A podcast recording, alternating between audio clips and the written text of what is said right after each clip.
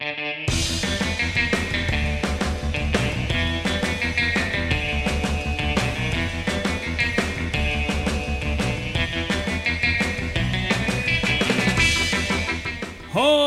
daar! Welkom bij Studio Magic, de Nederlandstalige podcast over alles wat te maken heeft met Magic the Gathering. Mijn naam is Jeroen Koster. Ik ben Arjan Ang. En ik ben Dave Eigensen. Dit is aflevering 32 van Studio Magic. En in deze aflevering gaan we het helemaal hebben over Throne of Eldraine, de nieuwe Magic set. En het thema, om dat in één woord samen te vatten, is sprookjes. Hebben jullie eigenlijk iets met sprookjes, Arjan? Nou ja, je vroeg dat eigenlijk van tevoren en eh, je vroeg ook onder andere wat is je favoriete sprookje. En daar hoefde ik niet zo lang, over, niet zo lang na over hoeven te denken. Eh, dat is namelijk eh, de nieuwe kleren van de keizer. Tof. Waarom? Eh, weten jullie eh, waar dat sprookje over gaat? Ik ken Ja. het sprookje niet. Nee, Dave kent hem niet. Oké. Nou, kort Nou, heel kort samengevat. het gaat over een keizer en die heeft heel veel geld. En eigenlijk eh, vraagt hij of mensen de mooiste kleren voor hem kunnen maken. En op een gegeven moment komen de mensen langs, kleermakers, en die zeggen... We hebben geweldige kleding, maar alleen hele slimme mensen kunnen deze kleding zien. Nou, ze maken dus eigenlijk helemaal geen kleding. Maar iedereen blijft volhouden dat ze het kunnen zien. Omdat ze denken, ja, maar ik, ben- ik, ik ben niet dom, dus ik, ik, ik, ik kan het gewoon zien. Eh, totdat de keizer op straat een- in een parade eh, gaat lopen en een klein jongetje zegt, "Haha, de keizer is naakt. Dus ik vind de moraal daarvan vind ik heel, eh, heel sterk. Dat is een heel mooi verhaal. Want de keizer kan dus zelf ook die kleren niet zien. Durft hij ook niet toe te geven. En, en al zijn volgers ook niet. Dus een kindje zonder filter, zonder sociale conventies om zich aan te houden, die, eh, die Ja. pikt dat er wel. Is dat wat je mooi vindt aan dat sprookje? Nou ja, ik zou hier heel politiek kunnen gaan uitweiden over wat dit allemaal betekent. Maar dat, dat- laten we dat van omwille de tijd niet doen. Maar ik denk dat er veel parallel is te trekken met, de, Het huidige tijdsgevricht. met het huidige tijdsgewicht. Ja. Dan- Nou, mooi. En eh, Dave, ben jij een beetje opgegroeid met sprookjes? Nee, echt totaal niet. Nee? nee. Dat is, ehm, dus ja, dat, dat toen inderdaad, eh, zoals Arjen zei, eh, werd voordat deze aflevering werd gevraagd van... Hé hey jongens, wat is jullie favoriete sprookje? Nou, toen kwam er al een beetje de discussie van... Ja, ik ken eigenlijk niet zo heel Toen dacht veel je, telt anime ook? Daar heb ik over nagedacht, Ja. inderdaad. Want ik, heb wel, ik ken wel heel veel sprookjesachtige verhalen en series en, de- en dat soort en films. Maar eh, echt sprookjes, nee. Eentje is me wel bijgebleven van vroeger. En dat is het eh, sprookje over de wolf en de drie biggetjes. Ah, ja. En dat gaat dan over eh, drie, volgens mij, broers of zo. Ik weet niet helemaal zeker wat meer wat het zijn, wat hun relaties. Maar in ieder geval drie biggetjes. Die Mhm. bouwen een, eh, ieder een huis. De luie big die bouwt er eentje van stro. De iets minder luie die bouwt- er eentje van hout, volgens mij. Ja, En zoiets. de, en de meest ijverige bouwt er eentje van steen.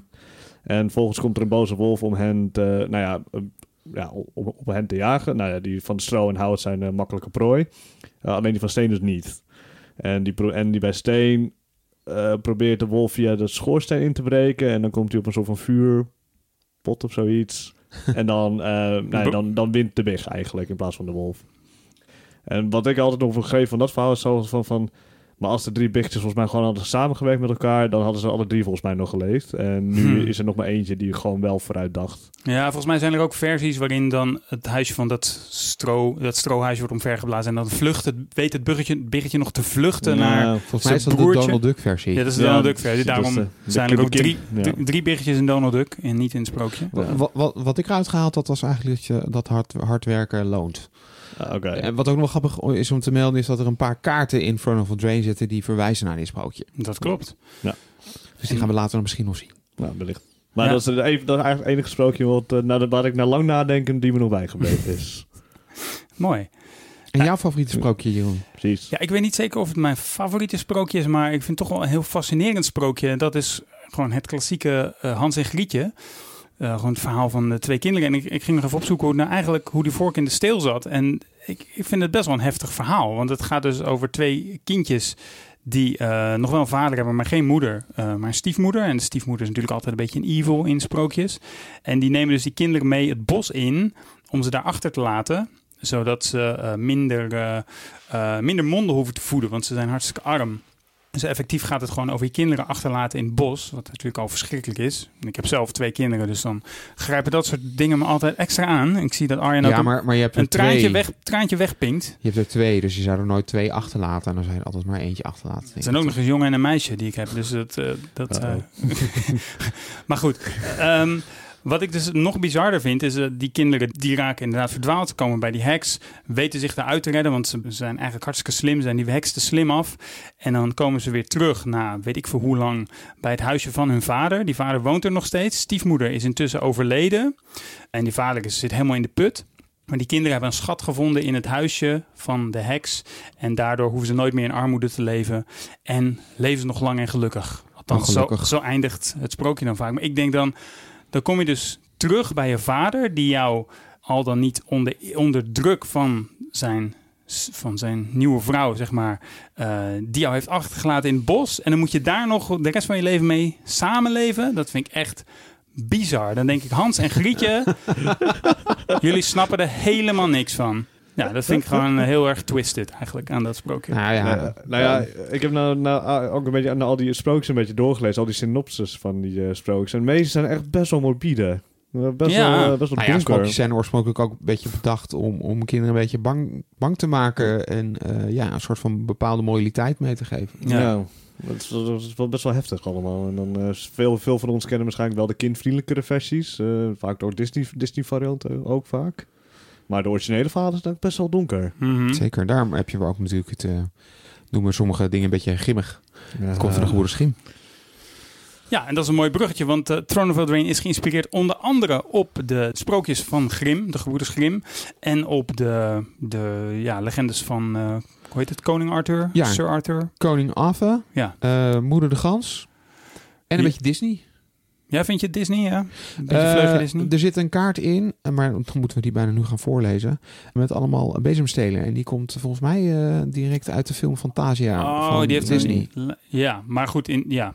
ja, want het is een soort levende broomstick. Of Ja. Zoiets. ja. Maar is, hij- is het visueel ook niet een beetje Disney-esque, zeg maar? Lijkt het niet heel erg op de Ja, Disney ook een films? beetje. Ja, ja.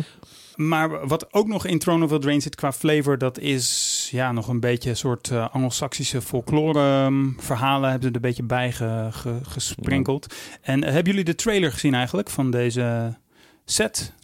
Ja, tien minuten geleden. Ja, ik had hem jou nog even snel als huiswerk meegegeven, Dave. Ja. Maar eh, nou, ik vond de trailer waanzinnig mooi. Het is een, een, een ja, heel mooi geanimeerd filmpje over eh, een gingerbread koppeltje Peperkoekenstijl. peperkoekstijl. En het deed mij heel erg denken aan Shrek, eigenlijk. Nee, je was niet de enige, geloof ik. Heel veel mensen, ja. Ja, heel veel mensen dachten, eh, die hadden ook in de comments gezet op YouTube, eh, is dit een nieuwe Shre- eh, trailer voor Shrek, de nieuwe Shrek film. En ik moet zeggen, dat zat me toch een klein beetje dwars. Dat voelde dan toch een beetje gejat, zeg maar. Ja, beter goed gejat dan eh, slecht bedacht. Zo is het ook, ja. Ik vond hem zelf heel mooi gemaakt. Ehm, ik vond hem wel iets te lang zelf. Ja, Ja, ik, voor mij had hij wel eh, had hij iets korter gemaakt. ja het duurt wel maar goed, klinkt misschien een beetje gek. een Maar, minuut of eh, drie, vier of zo. Ja, zoiets. Nou, Nee, drie, wel minuten, drie langer. minuten. Drie, Drie minuten. oh, ik dacht nog wel. Inderdaad lang Ja. voor, een, voor een trailer. De, de pacing is heel erg langzaam. Dat is het Hm. vooral. Er gebeurt niet zo heel Ja. veel. Wat ik trouwens wel echt heel tof vond hoor. Ik, vond, ik vind het wel mooi dat ze. Ja, want met die, voor, met die trailer van. Wat was het? eh War of the Spark. Hadden we Ja. dat ook al gezien. Dat ze echt best wel de tijd nemen om echt een verhaal te vertellen. Ja. Met nog een, eh, een eh, bepaalde muziek eh, eronder en zo. Om de, om de sfeer extra aan te zetten. En ja, ik vind het toch wel mooi dat ze dan gewoon animatoren. En een art director de vrijheid geven om zoiets te maken. Om de flavor van je set duidelijk te maken. Dus dat is denk ik wel. Gelukt, ja. Het is een beetje maar qua grappig. animatie was in ieder geval heel erg, erg sterk. Ja. Maar het zijn dus ja, sprookjes met een twist. These fairy tales fight back is volgens mij ook de, de, de tagline van deze set. Op 26 september komt hij uit op eh, Arena. Op 4 oktober komt hij in de papieren variant uit. Throne of Eldraine dus. De set bevat 269 kaarten. Maar dan ook nog eens één buy box promo. 10 kaarten die alleen in Planeswalker deck zitten. En ook nog eens, en dat is eh, heel erg nieuw eh, bij deze set, 20 kaarten die exclusief zijn voor Brawl decks. Je kunt nu voor het eerst ook eh pre-constructed Brawl decks kopen. Dat is dus dat Commander-achtige format waar Wizards of the Coast nieuw leven probeert in te blazen. Mhm. Ze hebben het bij elkaar toch over al gauw zo'n 300 eh, nieuwe kaarten die ook allemaal standard legal zijn. Ja, en volgens mij met de release van deze set is ook een rotatie. Ja, we krijgen eh, altijd de traditionele herfstrotatie. Ja, het Ixalan-blok valt eruit. Volgens mij alle dinosaurussen, ja. vampieren. En Hm. nog één. Nou, niet alle dinosauren, niet Oh, nee, alle nee, dinosaurussen de- de- gaan nieuwe- maar de wel heel veel. Ja, wel veel. En een paar vampieren blijven ook nog over, volgens mij. Kun jij iets vertellen, Arjen, over het eh, design van eh Throne of Eldraine? Ja, Throne of Eldraine is een zogenaamd top-down design. En dat wil zeggen dat men bij het ontwerpen van de set het verhaal, de flavor, tot uitgangspunt heeft genomen eh, voor het maken van de set. Ja, de sprookjes dus in dit geval. Nou, dit bijvoorbeeld in tegenstelling tot het beginnen met het ontwerpen van een mechanic en daar vervolgens een verhaal bij te verzinnen. Ja, zoals ze bijvoorbeeld doen, denk ik, bij ja, de Ja, core sets. Zijn er Core goede sets, voorbeelden van? me- eigenlijk meeste sets volgens mij ook. Nou, Modern Horizon denk ik ook. Ja. Hebben volgens mij ook gewoon losse kaarten ontworpen. Ja, ik ze zijn helemaal niet aan elkaar verbonden, Ik whatever. denk dat wel echt een beetje de beste voorbeelden zijn daar, maar heeft men zeker niet een overlappend thema of iets dergelijks. Nee. Nou ja, een van de bekendste top-down designs, dat is eh, misschien wel een van de beste Magic sets ooit. En dat is namelijk Innistrad. Een eh, set uit 2011, die vooral eh, geënt was op Gothic Horror. En het hele sterke van die set was dat er heel veel tropes in voorkwamen waar mensen al heel erg bekend mee waren. Eh, ja, zo dus tropes als in het, het idee van... een vleermuis die Ja. in een vampier verandert. ja, mensen die een weerwolf veranderen inderdaad. Ja, Ja, bij precies. maan. En iedereen, iedereen kent dat. Een set waarbij dat ook geprobeerd is te doen, dat is bijvoorbeeld Lorwyn. Lorwyn die was vooral geënt op ja, Anglo-Saxische sprookjes. En die sprookjes waren bij niet zo heel veel mensen bekend. Dus het design kwam er toen niet zo heel erg sterk eh, in naar voren. Nee, dat is voor mij ook volledig nieuw. Ik dacht dat Lorwyn en, en Shadowmoor, dat dat blok gewoon echt helemaal bedacht was door Wizards. Maar het was dus Nee, dus het- geïnspireerd op folklore. Nee, maar dat, dat zegt het dus eigenlijk al genoeg. Ja. De laatste top-down design die we gezien hebben, los van Shadows of Innistrad, was, was Teros. Dus zeg maar een, een fallback op eh, Griekse, Griekse oudheid. En ook daarin zagen we kaarten die gebaseerd waren op, op bestaande verhalen, Hm. maar die mensen niet echt konden herkennen. Zoals Ja. eh 101 Hands of iets Ja. dergelijks.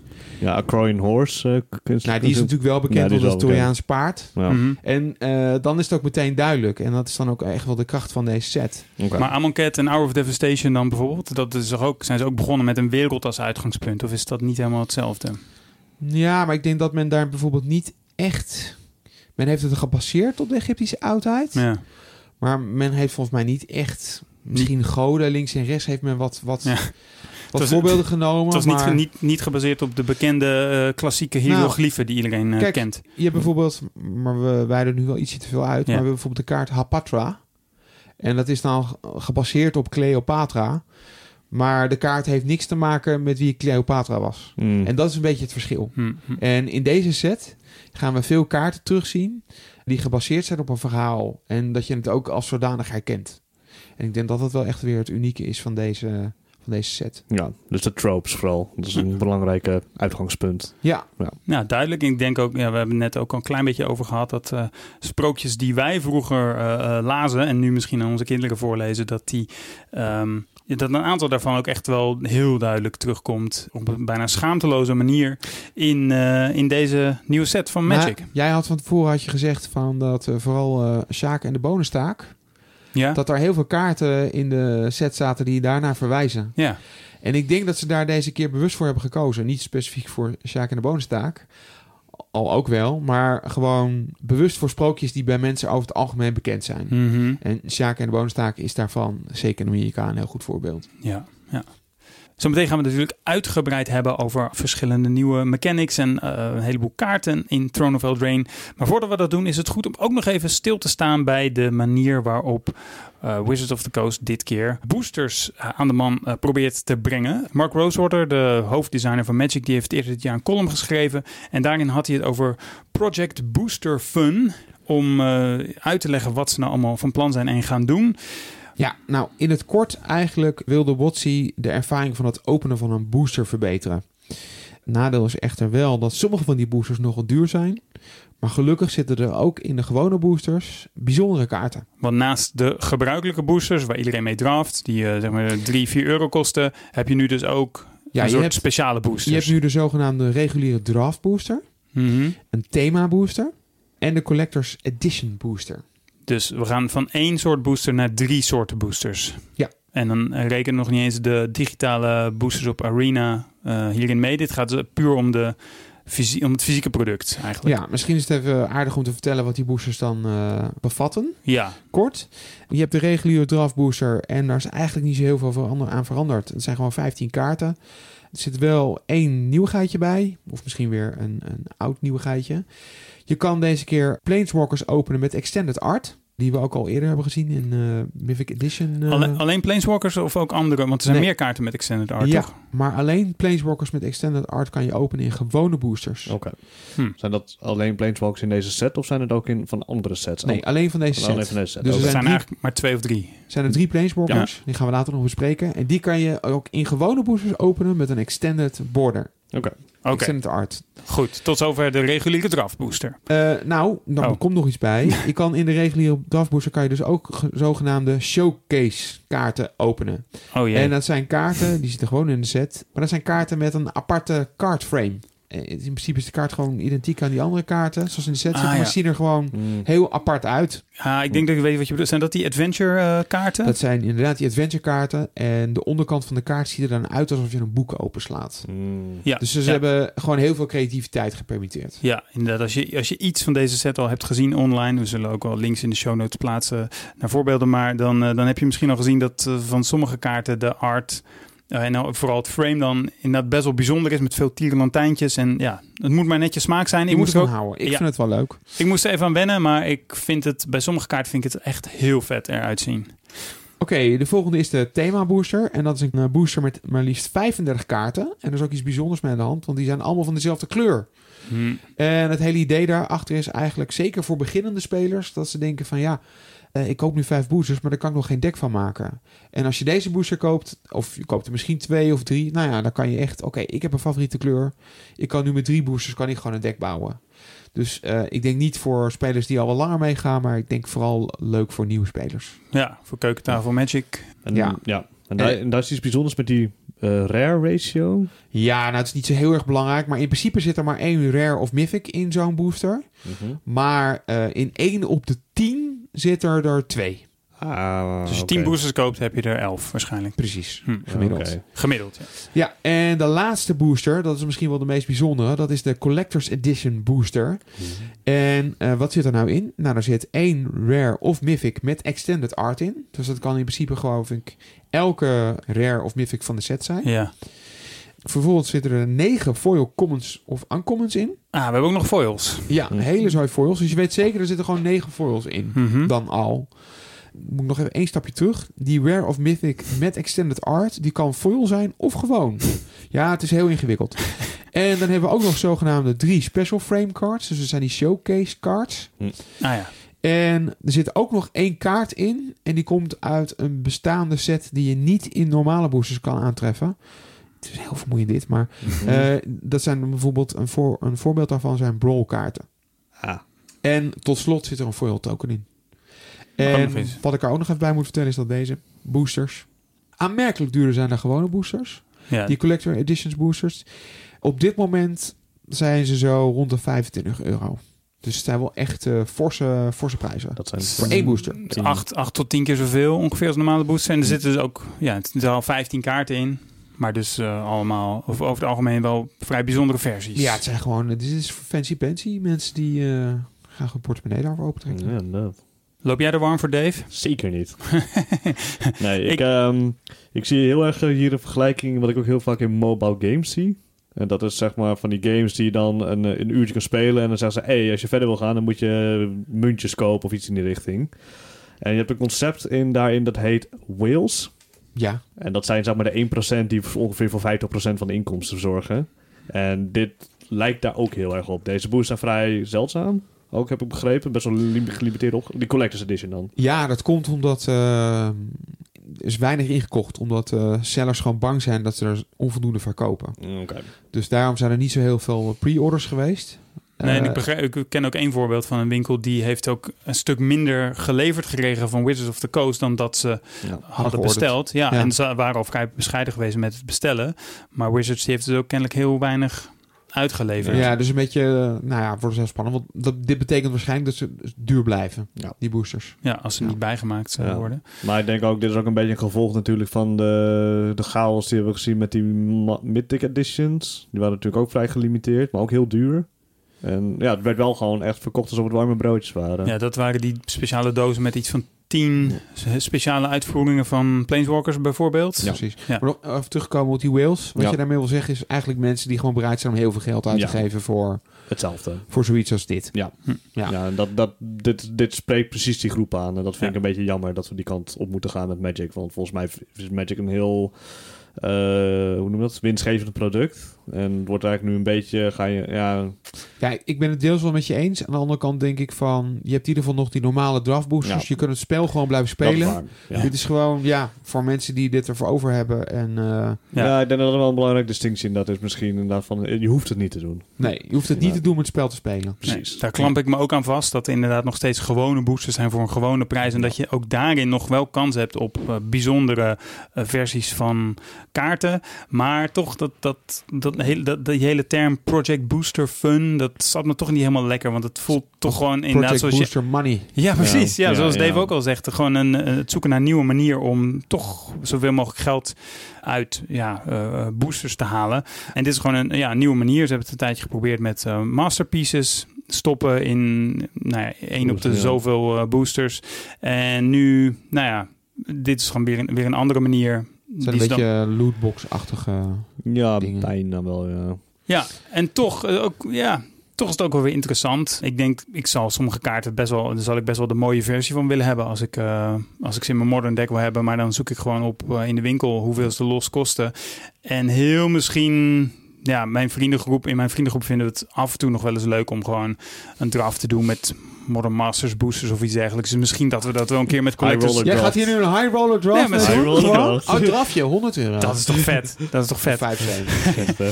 Maar dat zijn denk ik uitzonderingsgevallen. Ik ga natuurlijk niet eh, een boosterbox eh, van die collectors editions kopen. Nee. Wat ik wel, eh, ik vind die, eh, zeg maar die wijziging in de reguliere draft booster, dat dat nu eh, met showcase kaarten en die extended art, nou, dat heeft inderdaad veel weg van masterpieces. Dat vind ik wel leuk. Goeie, om dat weer erin te doen. En die thema boosters vind ik eigenlijk een goeie. Hm. Dus ja, Nou, ik Dus- denk dat we genoeg hebben gehad nu over de, de flavor, de achtergrond, het design, de boosters, de verschillende soorten kaarten en hoeveel geld Wizards daar wel niet eh, mee wil gaan verdienen. Ik denk dat het tijd is om het gewoon echt even te hebben over waar het allemaal om gaat. En dat zijn de nieuwe kaarten. Op naar de nieuwe kaarten en de nieuwe mechanics. Wat we meestal doen bij een setbespreking is dat we eerst eventjes alle nieuwe en terugkerende mechanics nog even onder de loep nemen met wat voorbeelden van kaarten erbij. Dit keer doen we dat ietsje anders. We beginnen gewoon meteen met het bespreken van de kaarten. En zodra we een kaart tegenkomen met een van die nieuwe mechanics erop, dan lichten we even toe wat dat precies inhoudt. En zo is het hopelijk toch allemaal eh, duidelijk. En eh, wat we ook even anders doen dan anders is dat we nu eens niet ehm, de kaarten bespreken in de Wooburg volgorde. Dus we beginnen met wit, blauw enzovoort. Maar we beginnen nu gewoon eens een keer bij iets heel anders. Groen, Arjan. Once Upon a Time is dus de kaart die we gaan bespreken. En is, daarmee begint ons sprookje. Precies. Eh, twee manen, waarvan één groen. En het is een instant spel. En die zegt... If the spell is the first spell you've cast this game... you may cast it without paying its mana cost. Klinkt interessant. Look at the top five cards of your library. You may reveal a creature or land card from among them... and put them into your hand. Put the rest on the bottom of your library in, in a random order. Mm. Zo. Cool. Deze kaart cheat op mana. Dat, wat kan er nou fout gaan? Ja, ehm, deze kaart is al best wel veel besproken door, eh, door veel mensen die zich met Magic bezighouden. En eh, veel van die mensen die denken dat deze kaart echt eh, close to broken is. Wat denken jullie ervan? Nou, close to broken wil ik het niet noemen. Hij is wel goed. Want het is zeg maar... Je moet hem in je openingshand hebben, anders is hij niet zo heel erg goed. Ja, denk de leylines vaak. is wel iets makkelijker geworden met de nieuwe Mulligan-regel. Ja, maar dan alsnog... eh, Nou, je hoeft hem niet per se in je openingshand te hebben. Nee. Je kan natuurlijk ook trekken. Gewoon heel, Ja, lang, heel lang wachten tot je een keer een spel kan ik denk- spelen. Ik denk het, de, de, de trap, die, eh, de, of de val die heel veel mensen die met deze kaart hebben, is dat ze hem zo zien en denken, oh, deze kaart cheat altijd op mana.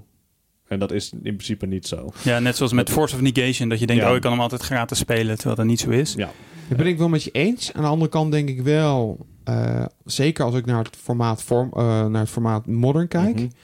Daar draait eigenlijk alles om de eerste beurten.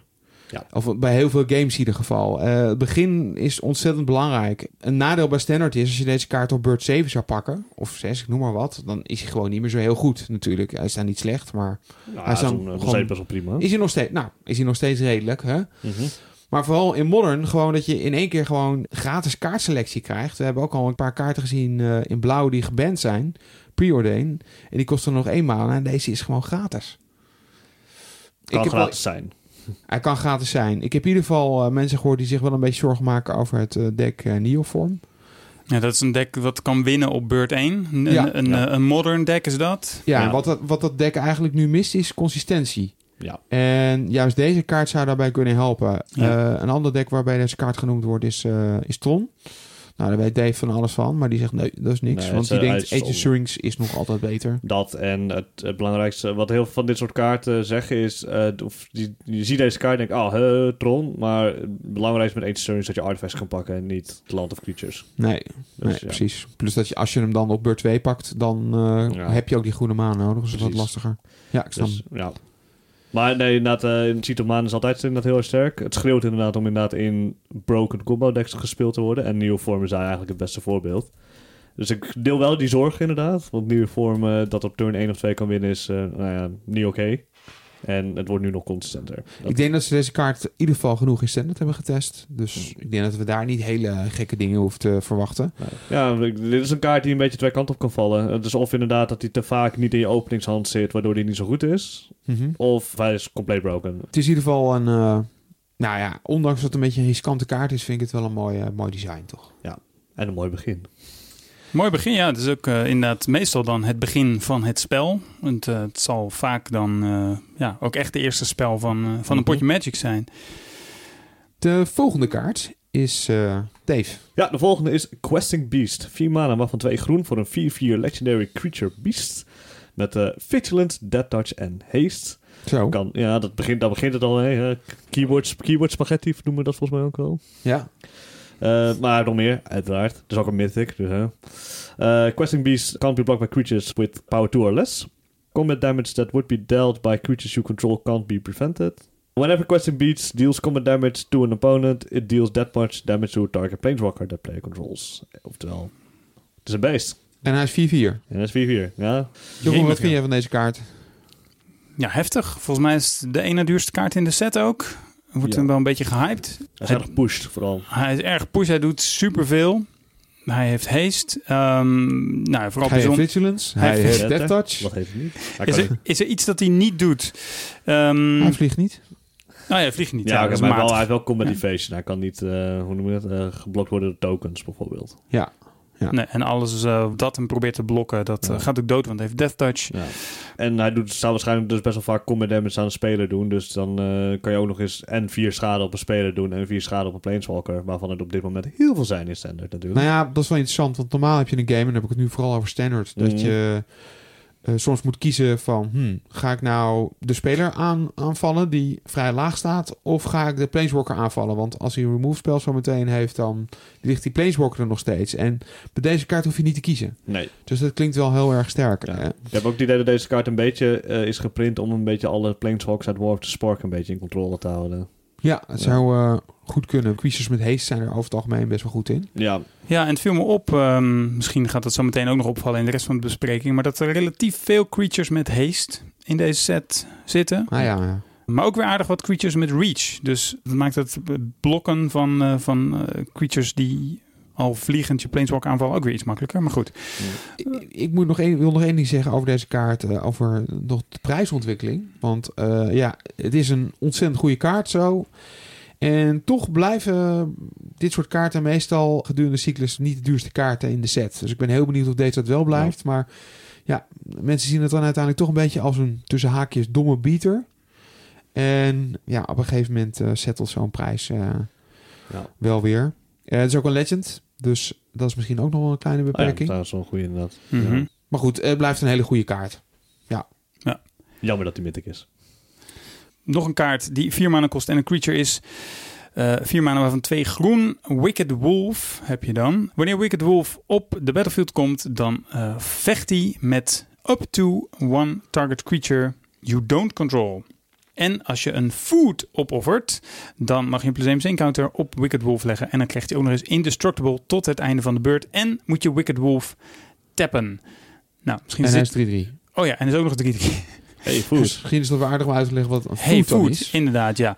Ja, Food, dat was inderdaad een beetje raadselachtig toen de eerste spoilers kwamen waar het woord Food op voorkwam. Het blijkt dus een token te zijn, een eh, artifact token om precies te zijn, wat je volgens mij kunt opofferen voor twee mana en tappen, dacht Nee. ik. Opofferen voor twee leven. Drie leven. Nee, nee, nee, nee, nee. Wat doet food, Arjan? Wat- Wat is food? Volgens mij moet je twee, eh, twee generic mana betalen om de artefact te mogen sacrificen. En dan krijg je drie leven. Ja, zoals ik het zei, eigenlijk. Sorry. Ja, zo Maar goed. bedoelde je het. Zo bedoelde ik het. het kwam er niet helemaal goed uit, maar Ja. een food inderdaad. Eh, het is een nieuw soort token, een beetje vergelijkbaar met treasure. Alleen in plaats van ja, mana krijg je leven ervoor. Mhm. Eh, en dat zit een beetje als thema door de hele set. Er zijn meerdere kaarten die food tokens maken en andere die daar dan iets mee doen. Nou, dit is daar een voorbeeld van. Ja, we moeten van deze kaart zeggen. Ik, ik vind het interessante wel, eh, hij komt dus in het spel en dan kan hij vechten met iets. En dan is denk ik de beste interactie die je kan doen als hij in het spel komt. Met de trigger van het vechten op de stack een food opofferen. Zodat je Wicked Wolf indestructible eh, krijgt en groter wordt. En dan laten vechten, zodat hij ook het gevecht sowieso overleeft. Dus ik denk best wel een sterke kaart. In elk geval in limited en waarschijnlijk ook wel in standard. Mhm. Mm, nou, ik denk dat het in ieder geval zeker een sterke kaart is in Limited. Ja. Ik denk dat die in standard niet zo heel erg goed is. Nee? Nou, dat komt ook omdat er Questing Beast in het eh, formaat zit. Die we net bespraken. Ja. En die is gewoon veel beter. Ja. Ja. En daarmee moet hij wel eh competen, want hij, is, Ah. hij kost net zoveel mana. Ja. Dus eh, in die zin acht ik niet heel veel kansen voor deze kaart in, in Constructed. Fair enough. Maar Behalve dat in geen legend is. Maar in Limited lijkt het me eh, regelmatig een first pick. Ja, wel conditionele removal, eigenlijk vaak. Maar wel, eh, wel goed. Ja. Zeker. Ja, en hier laten we het even bij voor wat betreft groen. En laten we doorgaan naar de volgende kleur. We gaan verder met zwart. De eerste zwarte kaart die we gaan bespreken, dat is Rankle, Master of Pranks. Vier mana, waarvan twee zwart. Legendary Creature, Fairy Rogue. En vooral Rogue gaan we vaker terugzien. Nou, fairies ook volgens mij. Fairies ook. Eh, Flying Haste. Whenever Rankle, Master of Pranks, deals combat damage to a player, choose any number. Each player discards a card. Each player loses one life and draws a card. Each player sacrifices a creature. Ja. En dat is ook een 3-3. Ja. Wow, dat any number had ik even overheen gelezen de eerste keer dat ik deze kaart zag. Dus ja, je, mag, dus alle abilities kiezen, maar je mag ook twee kiezen. Je mag ook één kiezen, je mag zelfs nul kiezen. Ja, dus wat voor jou het voordeligste is. Ja, wel belangrijk om te weten is dat ze, mocht je ze alle drie kiezen, dat ze in de volgorde die op de kaart zijn, moet doen. Ja, dus eerst discarden, dan Ja. eh, kaart trekken. Ja. Ehm, dat, dat, dat maakt hem wel... Ja, nou, maakt hem soms beter, maar soms ook niet. Nee. Nou ja, ik kan wel ergens begrijpen dat je zou zeggen, hé, hey, we gaan allebei een kaart pakken en dan discarden we, want ik Hm. heb meerdere kaarten, jij hebt er nog maar één. Hm. Ja, Ja, maar dat kan dus niet. Nou, ik had al het idee dat mensen een beetje hyped waren over deze kaart, maar nu snap ik nog beter waarom. Want dit is best wel te gek, toch? Nou, de keuzevrijheid vooral is denk ik heel erg goed. Ja, die heeft dus eigenlijk eh 1, 2, 3, 4, Ja. 5, 6, iets van zeven verschillende modes ongeveer, denk ik. En hij doet makkelijk combat damage, want hij is flying haste. ja dat is wel eh, goed. Ik, ik, ik denk wel een, een, wel een nadeel is... eh, twee nadelen, laat ik een beetje partypoeper zijn... is dat, eh, ja, 3 toughness, dat is wel echt wel toch wel kwetsbaar. Voor een 4 mana kaart. Verder is het zo dat bijvoorbeeld each player sacrifices a creature... Ja, daar moet je best wel wat voor werken natuurlijk. Ik bedoel, Ja. dan Ja. moet je dus ook creatures spelen die je wil sacrificen. Ja, want als dit je enige creature maken. is, dan ben je dus ook Rankle zelf kwijt. Ja, precies. Dus ja, daar kies je dan eigenlijk waarschijnlijk niet voor. Maar ja, het lijkt wel een kaart met, eh, met eh, mogelijkheden in eh, ieder geval standard. Zeker. Oké. En het is ook wel een kaart die ik misschien in Cube ga uitproberen. Maar eh, nog niet helemaal zeker. Hm. Dan dat zo... een beetje op de maybe-list. Ja, maybe less. Oké. Maybe-list. Oké, dan gaan we door naar de volgende kaart. Murderous Rider. Drie manen waarvan twee zwart. Voor een Creature Zombie Knight. eh 2-3. eh, met lifelink. En die zegt... Wanneer deze kaart doodgaat, stop het op de onderkant van de library van de eigenaar. Oftewel waarschijnlijk jezelf. Ja. Maar hij heeft ook nog iets bijzonders. Want dit is eh, de volgende nieuwe mechanic. Avenger. En die staat eh, op deze kaart als Swift End. Drie manen, ook van twee zwart. Instant Adventure. Destroy target creature or planeswalker, you lose two life. Dus Ja, en dit moeten we misschien even toelichten voor de mensen die niet deze kaart meteen voor hun neus hebben. Want dit ziet er echt bizar uit als, als je nog nooit een, eh, een adventure kaart hebt gezien. Maar het is eigenlijk gewoon een creature. Alleen eh, de tekstbox is in dit geval in twee delen verdeeld. Als een soort sprookjesboek. En op de rechterbladzijde staan de stats zeg maar, van het creature. En op de linkerbladzijde staat het adventure. Dus alle creature kaarten in uh, Throne of die uh, ja, de adventure mechanic hebben, die kun je als het ware op een avontuur sturen voordat je ze daadwerkelijk cast. En dat betekent dus dat je ze kan spelen voor de adventure uh, cost die erop staat. Dus in dit geval drie mana van twee zwart. Dat kan dan een instant of een sorcery zijn. En heeft dan een bepaald effect wat ook gewoon resolved. Maar na het resolven gaat de kaart dan niet naar je graveyard. Maar die komt in exile terecht. En niet zomaar exile, nee, komt dan in een soort van adventure exile of iets dergelijks. En vanuit daar mag je dan inderdaad die Murder's Rider in dit geval ja, gewoon casten. Alsof die ja. in je hand zit. Ja, wat klopt. dus heel bijzonder is. En wat ook bijzonder is dan weer, is dat als deze kaart op een andere manier in exile terechtkomt, dan mag je hem niet vanuit daar casten als ja. creature, want dan is hij niet op een adventure. Ja. Oké, okay, dat is wel ingewikkeld dus, want dan heb je dus eigenlijk een aparte exile stapel nodig. Ja, ja, en er zijn ook een soort van ja, kaartjes, het zijn geen tokens, maar een soort placeholder kaartjes geprint die dan aangeven van hier kun je lekker je adventure kaarten op leggen. Dus Wizards heeft er al rekening mee gehouden dat dit wat complexiteit gaat, uh, gaat opleveren. Um, en om het nog iets complexer te maken, is als jouw adventure op een uh, wordt gecounterd of iets in die richting, dan gaat hij ook gewoon naar je graveyard en dan mag je hem dus niet voor de creature alsnog casten. Oh ja, dus dat hij naar exile gaat, dat ja. hij op adventure gaat, is deel van het resolve. Ja, ja. ja. En je mag hem ook nog als een normale creature gewoon casten. Dat is ook nog gewoon een optie. Ja, dus, dus gewoon vanuit je hand. Vanuit je hand. Ja. Dus er zijn heel veel opties. En het is best wel complex, adventure. Ik vind het heel tof bedacht. Dat wel. Um, het doet mij een beetje denken aan allerlei varianten van splitkaarten die we al eerder hebben gezien. He, die kaarten die dus twee helften hebben die, allemaal, die je los van elkaar kan casten. Of in sommige gevallen kon je ze combineren. Uh, we hebben die aftermath kaarten gezien ja. die, die je dus eerst cast vanuit je hand. En dan mag je ze nog een keer casten vanuit je graveyard. Maar dan is het opeens iets heel anders. En dit is weer een variant erop.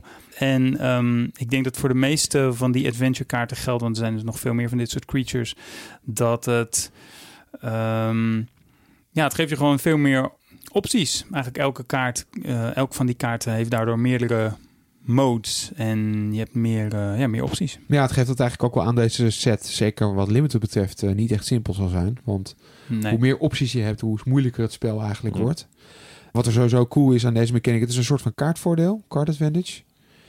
Zeker bij deze kaart. En ook nog even over de kaart zelf. Hij is heel erg goed, volgens mij. Ja. Ja, ik denk het ook. Het is gewoon instant speed creature of planeswalker slopen. Dus een soort, uh, dit is het... Heroes Downfall. Heroes Downfall, inderdaad. Met als nadeel dat je dan wel twee leven verliest. Maar die kun je weer terugverdienen met de lifelink.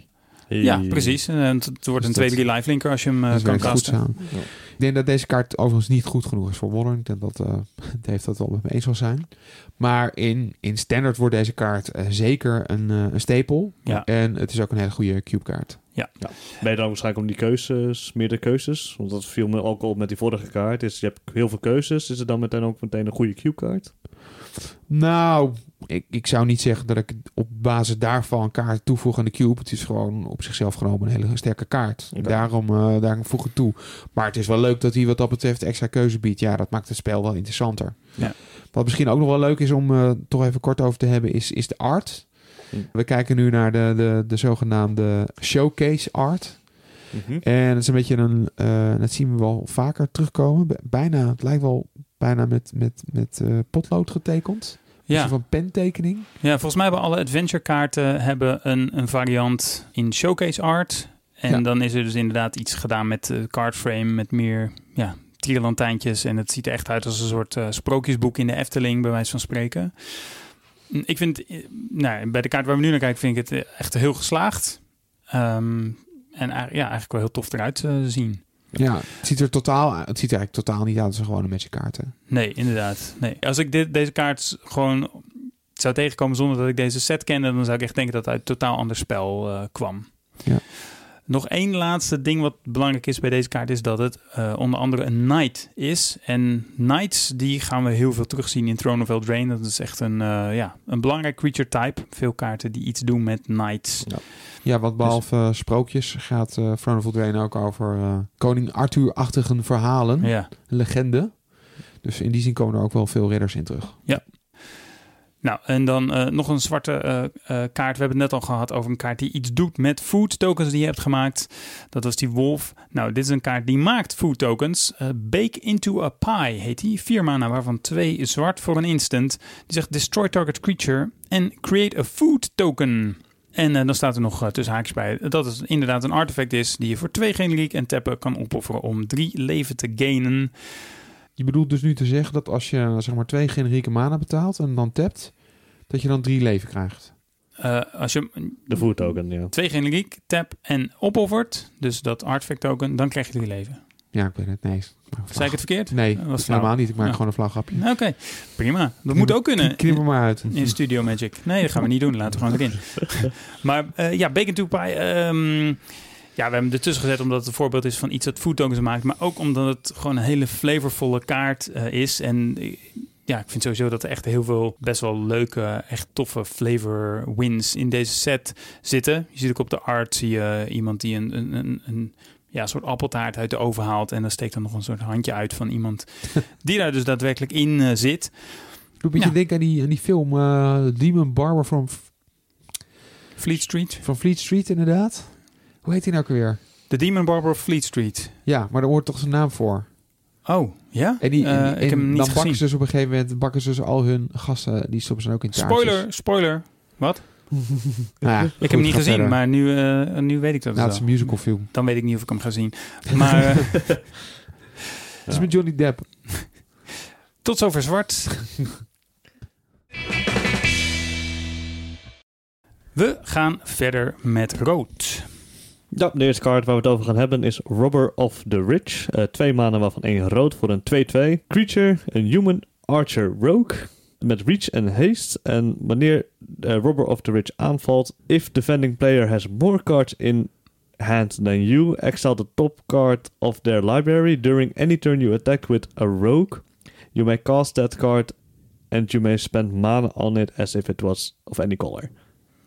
Dus even, even kort samengevat. Als hij aanvalt en je tegenspeler heeft meer kaarten dan jij, dan mag je een kaart exilen. En de volgende keer dat je met een rogue aanvalt, los van of die combat damage of niet, mag je die kaart casten. Nou, sterker nog, diezelfde beurt al. Want Robert nog is zelf, is Ja. zelf ook een rogue. Mhm. Dus Ja. Die, ja, dat checkt hij op dat moment al. Dan kun je die spelen. Maar je kan ook, de, wat ik bedoel te zeggen is van dat je ook de kaart eh, die je met één rogue, zeg maar, van de top haalt, die kan je later ook nog casten, zelfs al als die dood is. Ja, het wordt zeg maar een apart Ja. stapeltje. En Ja. als je dan een keer met een, een Nee, ik moest even over nadenken, maar er wordt inderdaad nog een ander stapeltje. Dus we hebben dan een Adventure Exile stapeltje en we hebben een eh, door Rich. geëxilede eh, stapel eh, met kaarten. Dus dat wordt ingewikkeld. Volgens mij wordt dus daar geen token voor Het bedacht. is wel een grappige kaart. Dat doet een beetje denken aan Robin Hood. Robin Hood, ja. Ik weet niet of het gebaseerd is op iets anders. De berover van de rijken, ja. Want ik zou denken dat Robin Hood eigenlijk een groene kaart zou zijn. Ja, heeft Maar hij nou een pijl en boog? Ja, het is een archer, dus hij heeft een pijl en boog. Ja. Dus het is wel op Robin Hood gebaseerd, zeker. Ja, Ja. ja. Eh, ik vond het opmerkelijk vooral dat hij dus en haste heeft, maar ook reach. Dus een aanvallende, ehm, agressieve ability, maar ook een verdedigende ability. Ja, ik vond het een beetje... Is dat omdat hij over daken heen loopt en dat soort dingen? Nou, hij is een archer. Ja, ik denk dat het een flavor ding is. Want ze Mm. dachten, oké, als die dan Robber of the Rich heet en eh, op Robin Hood gebaseerd is, dan moet het wel een archer zijn. Archers hebben altijd reach. Mm. Volgens Ja. mij hebben alle archers reach in Magic. Um, maar eigenlijk is het natuurlijk een beetje raar om een 2-2'tje die haste heeft ook nog eens reach te laten Ja, hebben. Het is een hele agressieve kaart en dan geef je inderdaad een verdedigende eh, mechanic. Ja. Maar Ja, en, misschien, eh, nou, misschien is er wel een reden voor die we nog niet kennen in standaard. Dat Ja. deze kaart dat nodig heeft. Misschien is er heel goed over nagedacht, maar misschien is het ook gewoon wat ik net, wat ik net zei. Maar Ja. wat vinden we van deze kaart? Ik vind hem super vet. Ja.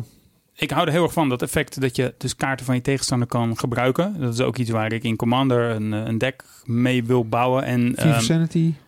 ja, dat soort dingen. Dus het wordt waarschijnlijk een Grixis deck. Want Thief of Sanity is eh, blauw-zwart. En eh, rood heeft ook veel van dit soort kaarten. En het valt me op dat veel van dat soort kaarten die dingen kopiëren of overnemen, die zijn toch best wel duur qua manenkost. En deze is relatief goedkoop. Dus dit lijkt me echt typisch iets wat je in zo'n soort deck zou willen spelen in die kleuren. Dus ehm, ik, ik ben wel enthousiast over deze kaart. Ja, nou, ik, eh, ik weet het nog niet zo. Eh, Wat, eh, als ik het over standard heb in ieder geval. Ik, Nee, ik, vind, het, ja. ik vind het toch wel een kleine, kleine body. Er is nog wel een andere kaart in standard, of in deze set waar we het later over gaan hebben, die misschien wel interessant is met deze kaart. Maar over het algemeen zie ik het nog niet echt. Dus ik vind het wel een leuke, flavorvolle kaart. Maar of die echt goed is, ik moet het nog maar even zien. Ik heb nog wel een regelvraag. Misschien weten jullie dat wel. Stel dat je dus op deze manier een kaart exilt en je cast hem, maar het is een eh, ehm, adventure. Komt hij dan op jouw adventure exile pile terecht en kun je dan, dan daarna ook nog dat creature spelen? Oeh, dat is een goede vraag. Ik- Dat weet ik niet. Ik zou bijna zeggen, misschien hebben we dan nog een aparte stapel nodig. dan is het ook weer opgelost, ja. W- ehm, zullen we dat meteen even opzoeken? We moeten nu eigenlijk zo'n belletje hebben van eh 2 voor 12. Ja. De, de, ju- de judge bell. Ja. Zo ping, ping, Ping. judge. Zijn er al release notes? Zeker. Oh ja. Ehm, If a spell is cast as an adventure, its controller exiles it instead of putting it into its owner's graveyard as it resolves. Dus dat Ja. zou volgens mij betekenen dus dat hij in de adventure pile van je tegenstander komt. Aha. wacht even hoor. If you, hier staat, if you cast an adventure with Robber of the Wits, it's Ja. you, not the card's owner, who may cast the creature card later. Ah. Dus jij mag hem dan nog een keer... eh, even kijken. Maar je kan dus wel, je kan wel de adventure spelen. Maar je tegenstander kan de, de, de creature kant spelen. Nee, jij, kan de, jij als bezitter van, eh, of als controller van Robber of the Rich, mag die adventure kaart die in exile ligt, mag je ook nog eens spelen als creature. Oh, oké. Oké. Nou, Dus dat is heel Nou, erg goed, denk ja. ik. maar toch, Dus daar is het antwoord op je vraag. Ja, Toch. dat kan. toch zie ik het nog niet zo zitten in deze kaart. Maar wel eh, heel interessant. Wat vind je dan van de volgende kaart, eh, Arjan? Ja, daar ben ik een stuk enthousiaster over. Dat is de zogenaamde Bone Crusher Giant. Drie manen, waarvan één rood. Creature Giant. Whenever Bone Crusher Giant becomes a target of a spell, Bone Crusher Giant deals 2 damage to that spell's controller. En het is een 4-3 voor drie mana. Maar hij is ook zo, nog een zogenaamde adventure. En die kant heet Stomp. Twee mana, waarvan één rood. Instant. Damage can't be prevented this turn. Stomp deals 2 damage to any target. Dus ja, hoe het in de praktijk een beetje uitspeelt. Ik denk dat je... Nou, ik stel er voor dat je op beurt 2 gewoon 2 damage doet. Aan een creature of misschien aan je tegenstander. Ja. En op beurt 3 eh cast je deze gewoon als een 4-3. En als je tegenstander hem ook nog eens dood wil krijgen, dan krijgt hij nog 2 damage. Dus zelfs al maak je deze kaart meteen dood, deze Giant, dan nog heb je 4 damage ge- gekregen. Op beurt 3. Dus het klinkt best wel goed. Ja. Ja? Of, je, of je hebt een creature ingewisseld, wat vaak gaat gebeuren. Of eh, hij doet inderdaad 4 damage. Dat wel. Ja, Want het is alleen op een spel natuurlijk, die eh rules tekst van de creature. ja dit, dit lijkt me op voorhand een van de beste kaarten van de set. Eén nadeel wat ik er wel een klein beetje in zie, maar dat is zelfs ook niet zo heel erg groot. Dat is dat ik me zou kunnen voorstellen dat mensen wel twee keer na gaan denken voordat ze creatures gaan spelen met twee toughness. Want die worden in een, in een eh, meta waarin deze kaart goed is, dan ook wel eh, wat slechter. Dus dat ze die überhaupt niet in hun deck stoppen, bedoel je? Ja, dat Nou. zou een gevolg kunnen zijn. Denk het niet. Lightning Strike heeft ook heel lang in eh, standard gezeten. En mensen bleven nog steeds gewoon Ja, creature. maar Lightning Strike is wel echt een kaart. En hier Hmm. krijg je zeg maar de body.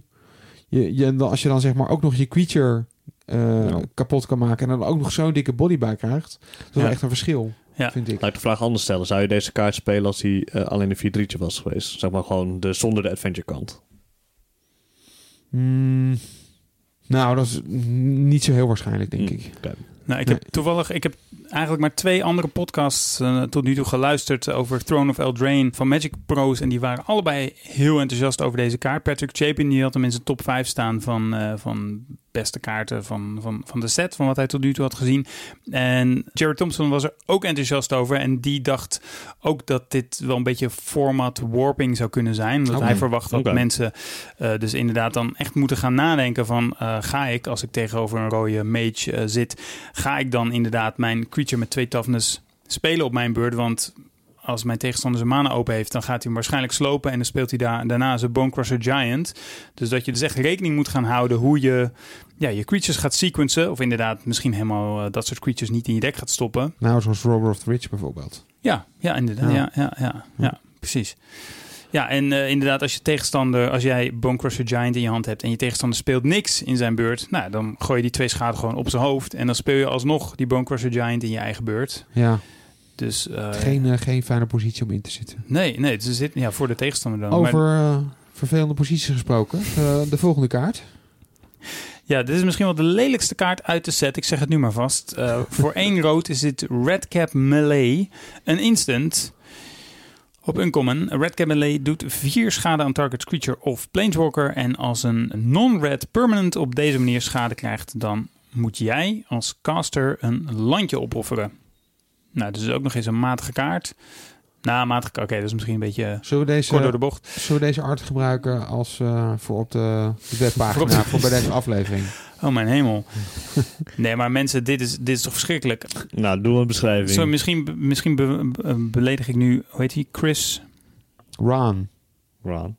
denk ik toch of niet? Nee, toch? Rawls. Oh ja, het is een ander. Chris Rolls. Ik zit naar een heel klein plaatje te kijken. Maar het lijkt net alsof er een, eh, een, een foto van iemands hoofd staat. En daaromheen is nog wat art heen getekend. Ja, Zo, zo ziet het er een beetje uit.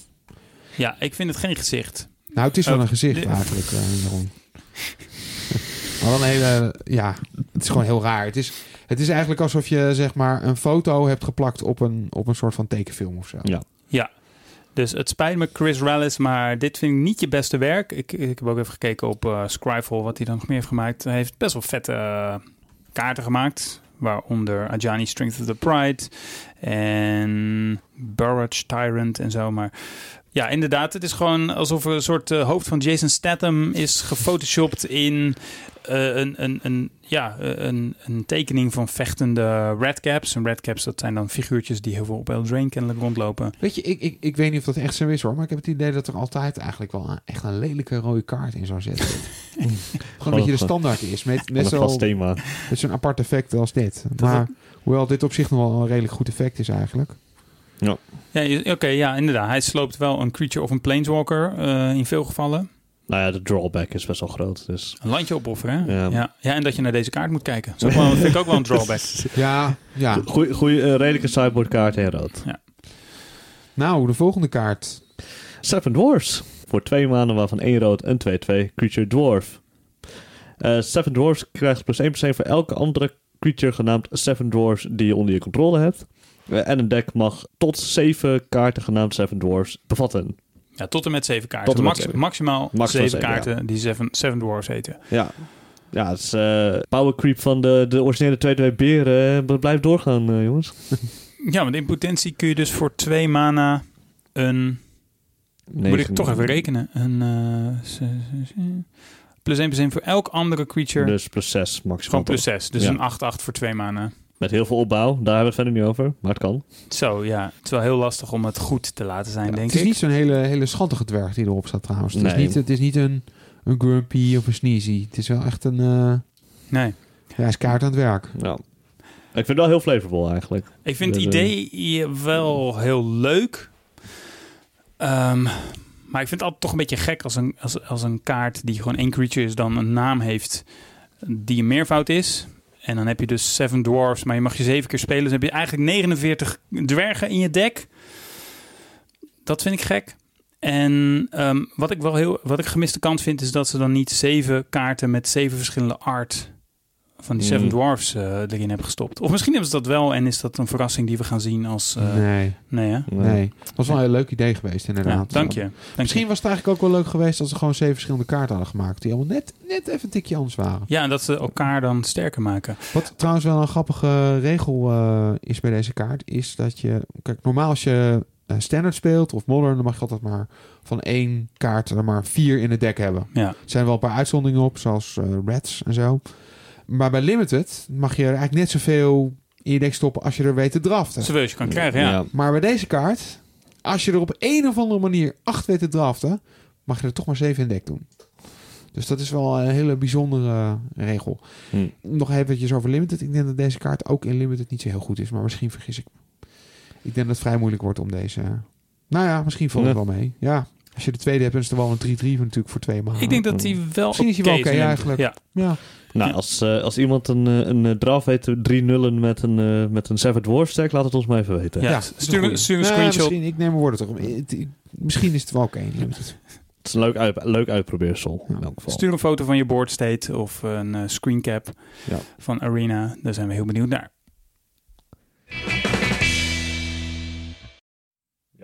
Gaan we door met blauw. Ja, dat is denk ik mijn favoriete kaart uit de set. En dat heeft ook voor een groot gedeelte met de art te maken. Maar niet in de laatste plaats ook met de ability van deze kaart. Het gaat namelijk over Emery, een Lurker of the Log. En die is drie mana, waarvan één blauw. Legendary Creature, Murfolk Wizard. 1-2. En ze heeft de volgende abilities. De spel kost one less generic mana. uh, to cast for each artifact you control.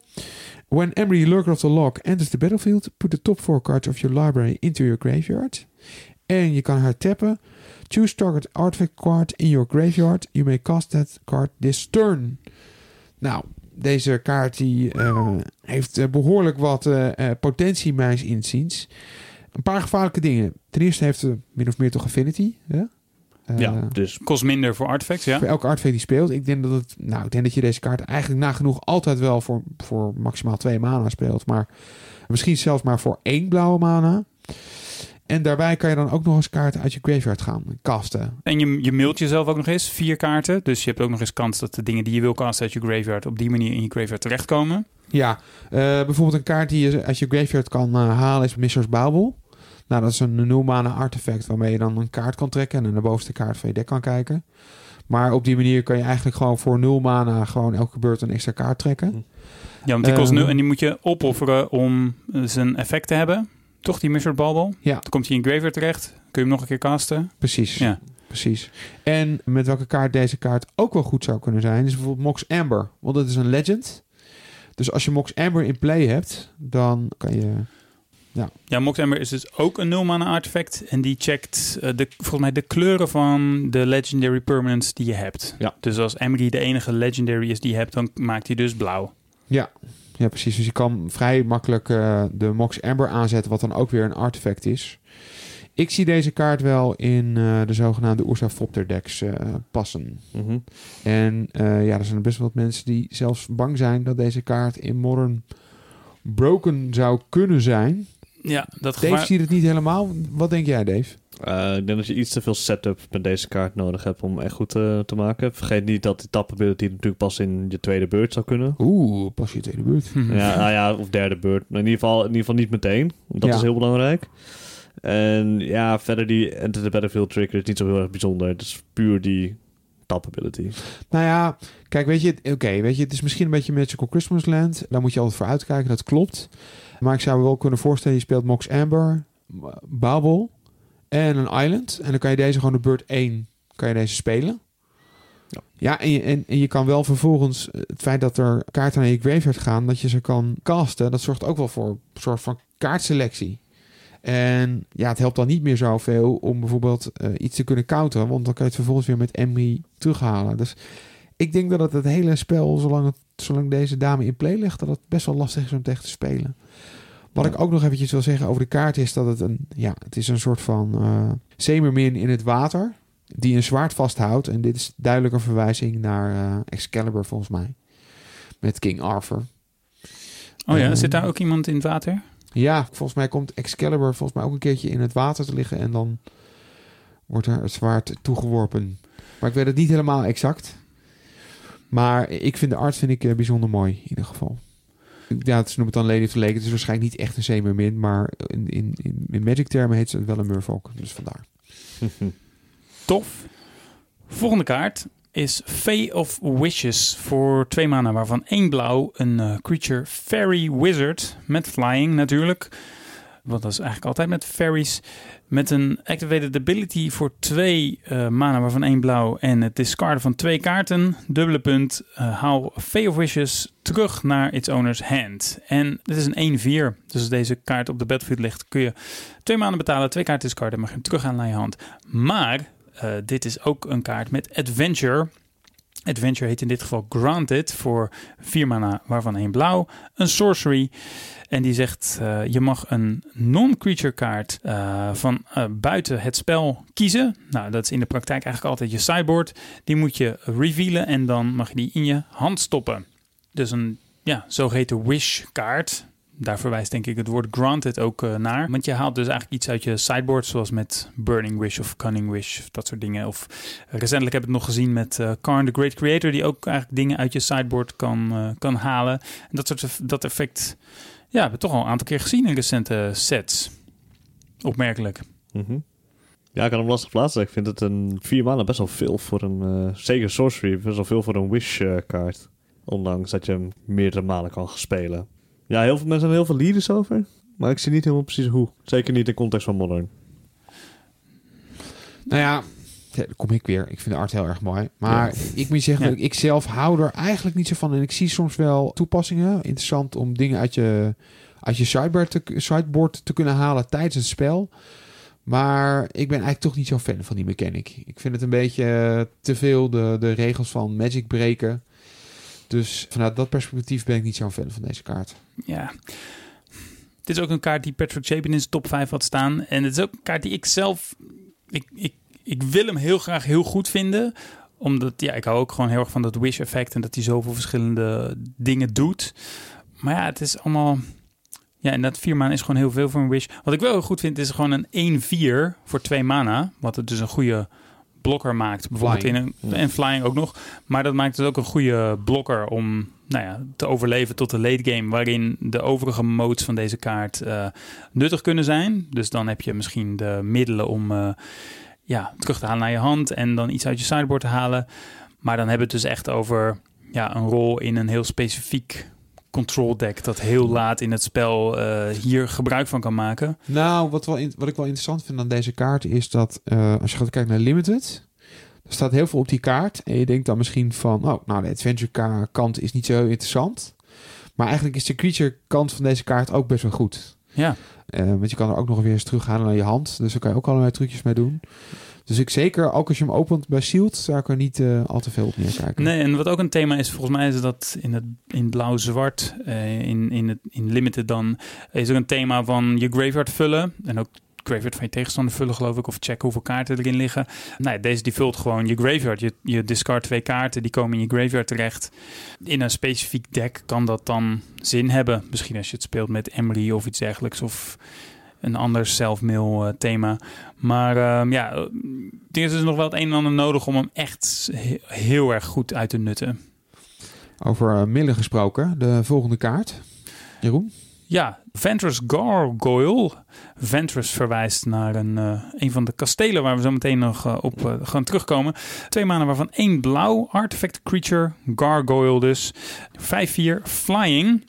Damn. 5-4 voor twee maanden flying. Ja, dat is ongelooflijk. Er zitten natuurlijk wel wat caveats aan. Ventress Gargoyle kan alleen maar aanvallen als de verdedigende speler zeven of meer kaarten in zijn of haar graveyard heeft eh, zitten. En Ventress Gargoyle kan alleen maar blokken wanneer eh, jij als controller vier of meer kaarten in je hand hebt. En dan zegt hij ook nog tap, dubbele punt, elke speler legt de bovenste kaart van het library in zijn graveyard. Wauw. Ja, ik zag deze kaart en ik dacht van inderdaad ook, eh, wauw, echt wel een heel sterke kaart. In het begin verschilden mensen daar nog een klein beetje over van mening. Misschien is het nog steeds wel zo, maar inmiddels heb ik ook best wel veel enthousiaste verhalen gehoord. En eh, een van de dingen die ik las, dat vond ik ook wel interessant, ook vooral in combinatie met Emery. Omdat je met Emery dus ook al vier kaarten in je graveyard... eh, oh, dat werkt helemaal niet. Nope. Het is, klinkt minder goed dan ik dacht. maar nog steeds wel heel interessant. Want je kan deze kaart natuurlijk nog wel weer heel makkelijk recasten met Emery. Voor twee maanden heb je dan wel gewoon een, een hele dikke flyer. Ja, het is een artefact inderdaad. Ehm, En, en zoals ik het eigenlijk zie, want we hadden het net al over, eh, over control decks. Ja, je kan deze gewoon op beurt 2 spelen. Nou, dan heb je zeker meer dan vier kaarten op handen. Ja. En dan heb je gewoon een ontzettend dikke vlieger waar ze bijna niet doorheen kunnen komen. En die ook nog eens eh, je tegenstander mailt en jezelf mailt. Dus als je daar iets mee doet in je blauwe deck, dan is dat nuttig. Nou, Ja. misschien is het een beetje te optimistisch om te denken dat deze kaart iets in Modern gaat doen. Maar ik weet dat in Modern het over het algemeen niet zo heel lang duurt. Hangt een be- beetje vanaf waar je tegen speelt. Maar menig deck in Modern heeft niet zo heel veel moeite om zeven kaarten in de graveyard te krijgen. Dus eh, ik kan me voorstellen dat deze dan ook nog wel redelijk snel kan aanvallen. Ja, ja. Maar ik denk sowieso een hele interessant, interessante kaart voor standards. En ik bedenk nu bijvoorbeeld, eh, je hebt die nieuwe Planeswalker Kiora uit War of the Spark, die iets eh, kan untappen, een permanent. Eh, maar die zegt ook als een creature van met power 4 of meer in het spel komt nog geen kaart trekken. Hm. Nou, dit is best wel een goedkope manier om een creature in het spel te krijgen en een kaart te trekken. Nou goed. Misschien een specifieke decks, ja. Ja, ja. Ik, zie, ik zie het zelf niet namelijk. Te veel eh, hoepels waar je doorheen moet springen om hem goed te maken. Ja. Ik, zit dit als een eh, twee maanden, doet niks en met een tap effect die niet zo heel relevant is. Oké, we gaan hier de volgende aflevering komen hier op terug. En dan gaan we kijken waar Ja, we staan misschien. deze ik wil graag fout verkeerd bewezen worden, maar ik zie het eigenlijk niet heel erg. Hey, een, een kaart waar jij wat eh, enthousiast over bent, eh, Dave. Ja. Dat is de volgende kaart. Eh, dat is Brazen Borrower. Borrower? Borrower? Borrower, ja. Borrower, ja. Drie maanden, waarvan twee blauw. Een Fairy Rogue, eh 3-1 Flash Flying. En hij kan alleen maar eh, creatures blokken die ook flying hebben. Ja, maar het is ook een adventure card. Petty Thief, een Pet, instant... petty theft. Petty Theft zelfs. Wow. Petty Theft. Eh, twee mana, waarvan één blauw. Een instant. Return target non-land permanent an opponent controls to its owner's hand. Volgens mij wel een sterk fairy. Ik weet in ieder geval dat mensen online er vrij eh, hyped over zijn. Maar dat is omdat ze een fairy lezen. En dan worden ze meteen allemaal van... Is dit de kaart die fairies weer terug in modern gaat brengen? Nee, maar desalniettemin wel een goede kaart. Ik denk dat deze kaart eh, zeker voor, eh, voor standard eh, best wel hoge ogen gaat gooien. Ja. Wat wel grappig is, ik zei al dat ik Robert Rich niet zo'n heel goede kaart vind. Maar je zou nog een beetje met deze kaart kunnen spelen. Want je kan bijvoorbeeld een, een, een creature die Robert Rich zou kunnen blokken, zou je vervolgens kunnen bouncen. En dit is ook weer een rogue. Dus daarmee kan je dan de kaarten van de robber gaan, gaan casten. Ah, dus ja. misschien een beetje oh, een stap eh, te ver. Maar ik zie enige synergie tussen die kaarten. Maar ja, een 3-1 body en vervolgens ook nog een bounce spel. Ja, dat lijkt mij een prima kaart. Tot zover even alle kaarten voor eh, het blokje blauw. Van eh, gekleurde kaarten gaan we nu even naar kleurloze kaarten. En dat zijn in dit geval eh, landjes. Een van de favoriete landjes uit deze set is voor mij een common. En dat is de Mystic Sanctuary. Het is een land, island, niet onbelangrijk. Mystic Sanctuary enters the battlefield tapped unless you control three or more other islands. When Mystic Sanctuary enters the battlefield untapped, you may put target instant or sorcery card from your graveyard on top of your library. Eh, om even te beginnen. Ik denk dat is de- in, in, Limited kan het gewoon heel goed zijn dat je je beste spel weer opnieuw eh, bovenop kan leggen. Mhm. En in standaard zie ik die toepassing ook wel. Maar ook in Modern vind ik het wel een interessante kaart. Niet in de laatste plaats, omdat het dus inderdaad een island is en dat je hem dus kan fetchen. En ik zie dan wel toepassingen met bijvoorbeeld Miracle kaarten. Je hebt bijvoorbeeld de kaart eh, Terminus. En dat is eigenlijk een 6 mana spel. Waarmee je je tegenstander en jouw creatures eventueel, als je die zou spelen, onderop eh, je library moet leggen. Ja, boardwipe effectief. Maar als je die in je drawstep pakt en je revealt hem meteen, dan kost hij maar één witte mana. Dus dat is dan echt heel erg sterk. Ja, en je kan gewoon als je een vetje hebt, dan kan je gewoon einde van de beurt, kan je die dan vervolgens op je, bovenop je dek leggen. En eh, ja, voor de miracle cost eh, casten. Dus het zou me helemaal niet verbazen dat deze kaart in een soort van nieuwe iteratie van miracles terugkomt. Dus ik ben erg enthousiast over deze kaart. Ja, Ja. Ik, heb, ik heb al heel veel mensen gehoord die deze inderdaad één of twee keer in een UW-control deck willen spelen. Inderdaad voor de interactie met Term- Terminus. Oké. Dus Ja, wellicht, eh, wellicht heb je al gelijk. hele sterke kaart lijkt mij inderdaad. En wat ik het meest bijzonder vind, is dat dit een common is. Ja, ik vind het echt een heel bijzonder effect. En dat het ook een island is. En dat die dus telt als island, maar niet island heet. Ja, vind ik heel eh, opmerkelijk dat ze dat op common hebben, hebben gedaan. En eh, het maakt deel uit van een cycle. Er zijn nog, eh, nog vier andere landjes, ook voor de andere kleuren. Ze hebben voor groen de Gingerbread Cabin. Dat is dus, ja, telt ook als een forest. Tapt voor een groen. Komt ook op de battlefield getapt, tenzij je drie of meer andere forests hebt. Wat bijna ook grappig is, is dat je ze dus ook gewoon...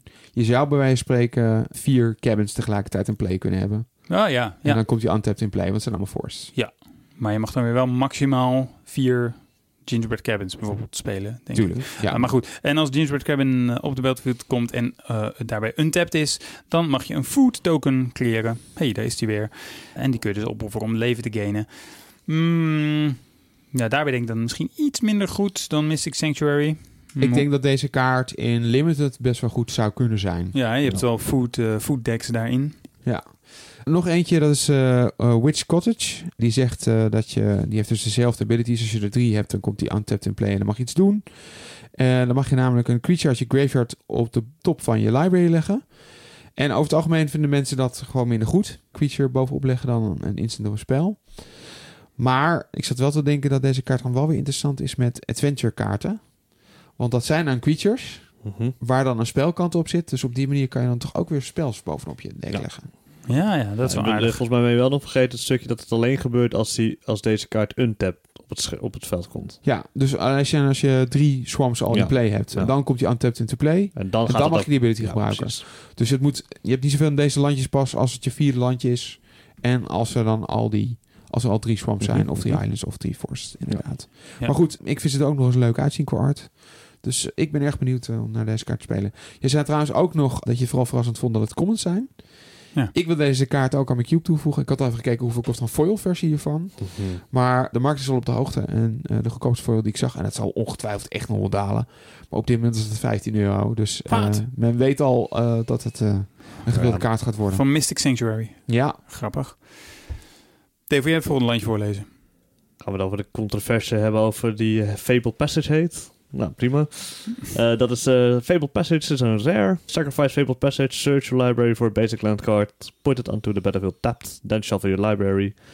And if you control four or more lands, untap that land. Oftewel een verbeterde Evolving Wild slash eh, Terramorphic Expense. Ja, hij deed me trouwens ook wel heel erg sterk denken aan een kaart die we Modern Horizons Ja, zagen. Prismatic Vista. Prismatic Vista. Ja, je zit een beetje daartussenin. Prismatic Ja. Vista, eh, daar kun je ook eh, basics mee zoeken. En die komen dan niet getapt in het spel. Ja, maar betaal je, betaal je een leven. Ja, En betaal je leven. En bij Fabled Passage ja, komen ze dus eh, vaak getapt in het spel. Maar ook regelmatig ongetapt in het spel.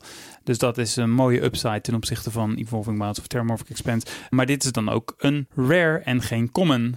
Zoals Ja. die andere landjes. Ik denk Ja. dat het dat het vooral is, toch? Ja, nou weet je, eh, eh, ik moet er ook wel bij zeggen, ik vind het zelf wel weer erg mooie art. Er was nog een kleine controverse rondom Fable Passage, niet al te groot. Maar dit is een van de allerlaatste kaarten die eh gespoild was in de set. En er waren al heel veel mensen die waren bezig, eh, zeker ook eh, pro's of mensen die artikelen schrijven om dekideeën te lanceren. Ja. En deze kaart was een van de laatste kaarten die gespoild werd. Dus men ging er al helemaal vanuit, er is gewoon geen goede mana in deze set. En dat gaat allemaal niet werken. En ja, met deze kaart verandert dat eigenlijk allemaal weer. Ja. Dus de mana is toch niet zo slecht als men dacht. Nee, want volgens mij kun je in elke, voor elke kleurencombinatie, eh, elke twee kleurencombinatie, eh, zijn er wel multicolor kaarten te vinden in Throne of Eldraine. Dus mensen dachten, hoe ga je dat in vredesnaam doen dan met de mana die er nu in zit? Nou, deze kaart die lost dat redelijk Wat, op. wat er wel een beetje lastig is, vind ik aan deze kaart, is dat dus vrijwel elk deck in standard wat niet, eh, en misschien zelfs mono, eh monocolored is, dit landje nodig gaat hebben. Dus ik denk dat dit echt een heel duur landje gaat worden. Dat, eh, Serieus? Dave die kijkt me nu echt zo aan van, huh, je wilt twee deck kleuren spelen en dan ga je ik vind deze deze kaart echt verschrikkelijk slecht. Hij steekt, hij zoekt, het, ik zie hem echt als eh 9 van de 10 keer gewoon een, eh, een rare versie van een Evolving Wilds. Als je deze in je openingshand hebt, dan zou ik echt, echt huilen. Maar dan ga je niet, eh, maar ja, heb je Once Upon a Time. eh. Ja, ik weet niet. Nee, maar dan- ik, denk dat je dan gewoon geen, eh, eh, geen, geen meerdere kleuren kan gaan spelen in je deck. Nee, anders kom je er gewoon niet met je landjes, joh. ik vind de drawback vind ik best wel heftig. Ja, nou, dan wordt het monocolored spelen voor jou. Eh, We gaan het zien. Maar Ja. ik denk, ik, ik vrees dat het een duur kaart gaat worden in eh, standard. Nou, dan is er nog een eh, cycle die we even snel willen doornemen. In eh, de wereld van Eldraine draait het eigenlijk om vijf ja, eh, nightly courts. Dus ho- ridderhoven zou je kunnen zeggen. Die ja, strijden, voor mij strijden ook een beetje tegen elkaar, maar ook tegen de wilds. Ehm, dus tegen ja, de natuur, de sprookjesnatuur. Dat is een beetje denken aan Game of Thrones eigenlijk. ja, dat deed me ook een klein beetje aan denken. Gewoon Maar, eh, Houses en dan de Wildlings. Ja, maar in dit geval zijn het dus vijf houses. En ehm, elk van die eh, vijf huizen heeft zijn eigen kasteel. En die hebben allemaal een eigen landje op Rare. En die komen allemaal getapt in het spel. Tenzij je een basic land hebt van die kleur. Zeg ik Ja. zo goed? Ja. Ja, ongeveer. Nou, ja, dus het blauwe landje, de blauwe castle, die komt unta- untapped in play als je een island hebt. Ja, Castle Ventress is dat. Hebben we net al heel veel genoemd. Tapt voor een blauw. En die heeft nog een ability voor vier maanden, waarvan twee blauw. En tappen mag je Scry 2 doen. Goed of niet? Ja. Ja. Ja? Dat is eigenlijk vijf maanden. Ben Bij jou je, een vraagteken. Ehm, nou, een- dat jullie zo snel ja zeiden, was ik, was ik een Dat beetje verbaasd. over. is de lightning round. Oh ja, hadden line afgesproken dat we heel snel ja of nee zouden zeggen. Nou, dan zeg ik ook wel. Ik denk ook wel dat die goed is. Vooral in de late game. Ik bedoel, het kost wel echt vijf landjes om te tappen. Maar als het goed is, heb je je in de control deck je mana open aan het eind van de beurt. Van je, te- eh, van je tegenstander. Ja. En ehm, ja, als je vier uh, untapte landjes hebt en deze, dan kun je dus nog even ik scryen. denk dat als je tegenstander een control deck speelt en hij speelt counterspells en hij hoeft een beurt niet te counteren En dan gaat hij Squire 2 doen. Omdat jij die beurt kennelijk niets gedaan hebt. Ik Ja. denk dat je dan als tegenstander bijzonder terug wordt. Ik denk het ook. Het doet me een klein beetje denken aan Search for Ascanta, de, de getransformeerde kanten daarvan. Ja, Eh Ascanta, de Sunken Ruin. als je de bovenste vier kaarten mag kijken. Eentje uit Ja, dat is natuurlijk eh, nog veel sterker, maar dit is een soort mini-versie daarvan. Ja. Ehm, dus eh, ja, dan zeg ik ook eh, goed. Mm, Oké, volgende. Castle Lock Twain. Castle Lock Twain enters the battlefield tapped unless you control a swamp. Add one uh, black mana. En de ability is 3 mana, waarvan 2 zwart. Tap, draw a card, then lose life equal to the number of cards in your hand. Dave, goed of niet? Ja. Jeroen? Ehm, ja, ik denk het ook. Kaarten trekken. Ja, Ja. ik denk het ook. Goed. Dave, waarom is hij goed? Eh, nou ja, het is uh, card defense op een landje. En eh, ja, ja, meestal heb je niet heel veel kaarten dus, in zwart in je handen. Dus het is hooguit uh, verlies één of twee leven. Meestal. Ja, je speelt er waarschijnlijk een agressief deck waarin je hand Ja. een beetje leeg houdt. Ja, want in een control deck dan kan je niet permitteren om al te veel leven te Nee, dan speel je waarschijnlijk liever de, de, de blauwe versie. Ja. Volgende. Castle Garen Brick. Komt inderdaad untapped into play als je forest hebt. Tapt ook voor een forest. Eh vier mana, waarvan twee groen. Tap. Add ehm, zes groene mana to the pool. En spendeer deze alleen maar aan creatures, spells of activated abilities van creatures. Goed of niet? Ja, ik, ja, ik vind het met al deze kaarten vind ik het zo lastig in te schatten. Ehm, ik denk het wel, eigenlijk. Ja, je ramt toch eigenlijk één mana. Alleen het is wel een beetje laat in het spel. Het is niet een vroege mana ramp zoals een, eh, een elfje of zo. Mhm. Nou, iedereen zegt dat deze kaart goed is. Ik doe net eventjes eh, de eerste keer dat ik deze kaart zag. Toen dacht ik, ja, van 5 naar 6. Wat is dat nou? Ik werd er niet heel erg warm van. Dus eh, ik zou eh, nu iedereen kunnen napraten. Maar mijn eerste gevoel was dat deze kaart niet goed was. Ik zal het wel mis hebben. Ik deel de mening van Arjan, hij is niet goed. Oké, nou, dus Dave en ik gaan of keihard onderuit. Of eh, we, we komen de volgende keer vol trots zeggen, zie je nou wel. Eh, de volgende kaart, eh, Castle Ardenvale. Castle Ardenvale ends the battlefield tapped unless you control planes. Eh tap voor 1 witte mana. En ability 4 mana van 2 wit. Create a 1-1 white human creature token. Ja. Jeroen, goed of niet? Mm, ja, ik denk het eigenlijk wel. Dave. Nee. Oh ja, Ah, oh, eh, ja, toch wel goed. waarom? Ja, eh, gewoon steeds allemaal mannetjes maken. Ik bedoel, het is over het algemeen toch wel een, eh, een goede ability. We hebben dit al gezien op de kaart, een oude kaart, eh door een Outpost. Eh, nog niet zo heel lang geleden hebben we Legion's Landing gezien. Die was al wat goedkoper om te activeren. Maar daar moest je dan ook wel weer meer moeite voor doen om die te kunnen activeren. Hm. Nou, misschien dat er iets meer hulp nodig is voor deze kaart. Bijvoorbeeld eh, een, een, een creature die, die humans plus 1 plus 1 geeft. Dan denk ik dat deze kaart al echt heel erg sterk wordt. Maar ja, ja, ik zie deze niet echt helemaal in een control deck. Waarom denk je dat deze kaart niet goed is, eh, Dave? Eh, te veel mana voor wat je ervoor terugkrijgt. Gewoon toch te veel. Ja, vijf voor vijf voor een 1 eentje. Ook al kan je hem hergebruiken. Voelt niet heel lekker. Hm. Hm. En de laatste, Jeroen. Castle Embereth, de rode versie, ongetapt als je een mountain hebt. Tapt voor een rood en met de ability 3 mana van 2 rood. En tappen creatures you control get plus 1 plus eh 0 tot het einde van de beurt. Ik wil eventjes zeggen zoals jij het zegt hoor. Castle Ambarath. Embereth. Goed of niet? Nee. Ja, Ja, weet je, soms eh, moet je niet te veel reviews van andere mensen lezen voordat je dit eh, gaat opnemen. Ehm, ik was ook niet zo heel enthousiast over deze kaart, maar heel veel mensen zijn super enthousiast over deze kaart. Waarom denk je dat hij niet zo goed is, eh, Dave? Wederom veel eh, vier maanden investering voor een matig effect. nou, ik zie het dan echt in een, in een rood deck met Mhm. veel kleine creatures. Dus je gaat redelijk wijd. Ja. En dan heb je op een gegeven moment heb je gewoon veel mana over. En dit is dan een goede mana sink om je hele team te pompen. Dus in zo'n deck denk ik dat hij sterk is. Ik denk nog wel één belangrijk ding dat jullie niet moeten vergeten is dat ze kunnen niet gefetcht worden, deze landjes. Dus de kans dat je ze hebt is al wat minder. Daar En- moet je er ook vier in stoppen. Ja, en dan Alleen dan je- komen ze wel tapped into play. Precies. Ja, Fair enough. het is ook wel een nadeel. Zeker als je een agressief deck speelt. eh, de kans dat deze dan in je hand zit en dat je tapped into play komt, is er ook wel. Ja. Dus het risico is er zeker. Maar goed, wel een interessante cycle in ieder geval. Ja. Zeker. Ja. Nou, dan zijn we alweer door de landjes heen van Eldraine.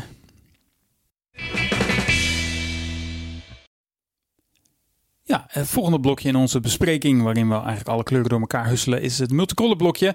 En even een hele kleine dienstmededeling tussendoor. Dave die, uh, is eventjes ertussenuit. Die is zometeen weer terug voor de conclusie. Maar uh, als je hem dus uh, niet hoort over de komende paar kaarten, dan is dat om die reden. Maar Arjan zit nog wel aan tafel. En misschien kun jij wat vertellen over een, een nieuwe Planeswalker. Ja, dat is namelijk Oko, Thief of Crowns. Drie mana, waarvan één groen en één blauw. Legendary Planeswalker, Oko. Loyalty van 4 begint hij mee. Zijn eerste ability is plus 2, create a food token. Oftewel dus een artifact die je kan sacrifice voor 3 leven. De tweede ability is een plus 1. Target artifact or creature loses all abilities and becomes a green elk creature with base power and toughness 3-3. En de laatste ability, die kost 5 loyalty. En die zegt exchange control of target artifact or creature you control and target creature an opponent controls with power 3 or less. Nou Jeroen, wat vind jij van deze kaart? Ik vind het een heel leuke kaart. En om nog heel even terug te gaan naar het begin van spoiler season. Dit was volgens mij de allereerste kaart die gespoild is van uh, Throne of Eldraine. Daar stond dus ook voor het eerst uh, het woord food op. Waarvan mensen dachten, wat is dat in vredesnaam? Nou, het bleek dus later om tokens te gaan. Ja, en we zien een, een nieuw figuur. Oko hebben we nog nooit uh, ontmoet. Maar blijkbaar is het dus een Planeswalker die ergens op Eldraine rondhangt. Art doet me een klein beetje denken aan Tessiger. Als je die nog kent uit, uh, wat was het ook alweer? Niet Journey into Nix, Kaans maar... of uh? Ja, het, uh, uit het Kaansblok. maar dat komt vooral omdat hij een beetje met zijn blote bast onderuit gezakt op een soort van troon zit. Ja, ik denk dat hij komt uit dat blok in ieder geval, niet ja. uit die set, ja. Nee, hij komt uit die tussenset, dacht ik. Fate Reforged. Fate Reforged. Um, ja, ik vind het een heel leuke kaart, omdat zijn abilities allemaal best wel aardig op elkaar aansluiten. En je kan hem dus gewoon plussen en food tokens maken. Maar je kan vervolgens um, ook die food tokens weer gebruiken om daar een elk van te maken. Dus dan maak je van je eigen food token maak je een 3-3'tje. Maar je kan ook die food tokens met de min 5 ability gebruiken om controle over te nemen van een creature van een tegenstander. Dus dat, dat doet hij allemaal met dingen die hij zelf maakt. En ja, los daarvan kun je natuurlijk ook gewoon op andere manieren food tokens of artifacts maken. Waarmee je dan ook weer diezelfde abilities kunt uh, uitvoeren. Of je kan gewoon een artefact van je tegenstander, wat jou heel erg dwars zit, uh, in een 3-3'tje veranderen dat verder niks kan. Nou ja, wat ik wel leuk vind aan deze kaart is eigenlijk dat er nog niet zo heel lang geleden waren vooral veel klachten over planeswalkers dat ze allemaal een beetje te veel op elkaar leken. Hm. Je, je trekt een kaart, je maakt er iets kapot. Beschermt En- zichzelf. Ja, zoiets. En eh, deze die doet gewoon heel veel eh, eh, verschillende eigenlijk unieke dingen. Dus Ja. dat is wel leuk. En daarbij moet ik zeggen, het is een groen-blauwe planeswalker. Daar hebben we er al een paar van gezien. En deze is, staat toch wel weer heel erg uniek in hoor. Met, dat, met die food token ook. Ja, ja, het is ook de duurste kaart in de set. Ja, het enige wat hij niet direct doet is zichzelf beschermen door een token te maken. En Ja, hij maakt wel een token, maar dat is dan een food token. En pas in een volgende beurt kun je dan daar een, een elk van maken. Dus een 3-3'tje dat hem beschermt. Dus je hebt wel iets anders nog nodig. Ehm, ja, om hem een beetje tegen te houden. Maar goed, hij begint op 4 loyalty. Als je hem plus, gaat hij meteen naar 6. Dus... En hij kost maar 3 mana. En hij kost maar 3 mana. Dus hij houdt het waarschijnlijk uh, wel even uit. Ja, dus ik vind Oko wel eh, oké. Nou, de volgende Planeswalker, dat is Garrick. Cursed Huntsman. Zes mana, waarvan één zwart en één groen. Legendary Planeswalker Garrick. 5 loyalty. En de eerste ability zegt is 0. Create two 2-2 black and green wolf creature tokens. With when this creature dies, put a loyalty counter on each character you control. Hmm. En de tweede ability kost 3 loyalty. Destroy target creature, draw a card. En de laatste ability zegt min 6. You get an emblem with creatures you control. Get plus 3, plus 3 and have trample. wow dus er zit ook alweer een origineel aspect in. Want hij produceert dus twee wolfjes. En als hij doodgaat, dan komt er dus een counter op. Dan Dus komt er een extra loyalty counter op Garuk. Ja. Ja. Dus het zou zo kunnen zijn dat je... Je maakt twee wolves. Je valt aan. Vervolgens eh, komt er dus een extra counter op. En dan kan je al ultimaten. Dus vrij bizarre kaart. Hè? Je valt aan en dan komt er een counter op? Nee, je wordt dus aangevallen. Je gooit er zo een wolfje voor. Oh ja, dan, krijgt hij dan gaat hij Dan- naar 6. Dan gaat hij al naar 6. En dan kan je hem de volgende beurt al... eh, Ah ja, zo. Ja. Kan je allemaal ultimaten. ja, deze kaart beschermt zich dan weer vrij goed, want hij maakt niet één, maar maar liefst twee tokens. Ja. En wat ik ook wel tof vind, je kan die min 3, dus de Target Creature and Draw card, kun je ook nog gebruiken op je, een van je eigen wolven, mocht dat, mocht het zover komen. Dan moet je wel een beetje desperate zijn, maar dat zou eventueel kunnen. En dan ja, trek je dus een kaart en je bent een creature kwijt, maar Krijg je wel je loyalty terug. krijg je weer één van die drie loyalty krijg je terug. Eh, Het is best wel interessant design, want hij heeft dus verder ook geen, eh, geen plus abilities. De enige manier om er loyalty counters op te krijgen, of de, ja, de makkelijkste manier dan, is eh, om, om die, die twee tweetjes dood te laten gaan. Ja, ik zou me nog zelfs kunnen voorstellen dat je deze kaart combineert met Vraska. De kleine Vraska die vier mana. En dan kan je dus ook iets sacrificen en een kaart trekken. Ja. Op die manier kun je dan deze al meteen op, op zes loyalty krijgen, eventueel. Ja, ja, ja. Ze zitten en, allebei ook in dezelfde kleurcombinatie. Maar goed, En min 6 is eigenlijk gewoon een ingebouwde overrun. ja, Eigenlijk. het is toch wel vrij uh, insane lijkt me dat eigenlijk. Ja, Al je creatures dat permanent hebben. maar goed, wel zes maanden. Trouwens, wat nog even grappig is om te vertellen over Garruk, is Mhm. dat Garruk dus eigenlijk sinds de laatste Innistrad set, als ik het goed heb, is hij cursed. Dus Garruk was oorspronkelijk was hij helemaal groen van kleur. En toen werd hij vervloekt en werd hij groen-zwart. Ah ja. Maar in deze set, en die kaart hebben we niet besproken, die kaart zelf is ook niet zo heel interessant. Maar er zit een kaart in deze set waaruit blijkt dat Garruk, volgens mij heet die kaart, je gaat het nu even opzoeken.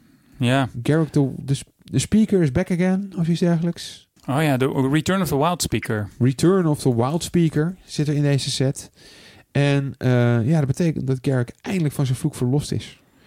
Dus de volgende keer dat we Garruk terugzien, dan is hij weer gewoon mono groen waarschijnlijk. Hmm. Interessant voor het, eh, voor het verhaal. Ehm, en de derde multicolored kaart in dit blokje is eh, ook een Planeswalker. De Royal Scions. Ja, meervoud. Drie mana, waarvan één blauw en één rood. Legendary Planeswalker Will Rowan. Eigenlijk zou het moeten zijn Will en Rowan, want het zijn eh, broer en zus. Dus twee figuren staan ook in de art afgebeeld. Vijf loyalty, plus één draw card, dan discard a card. Dat heet volgens mij looten, toch?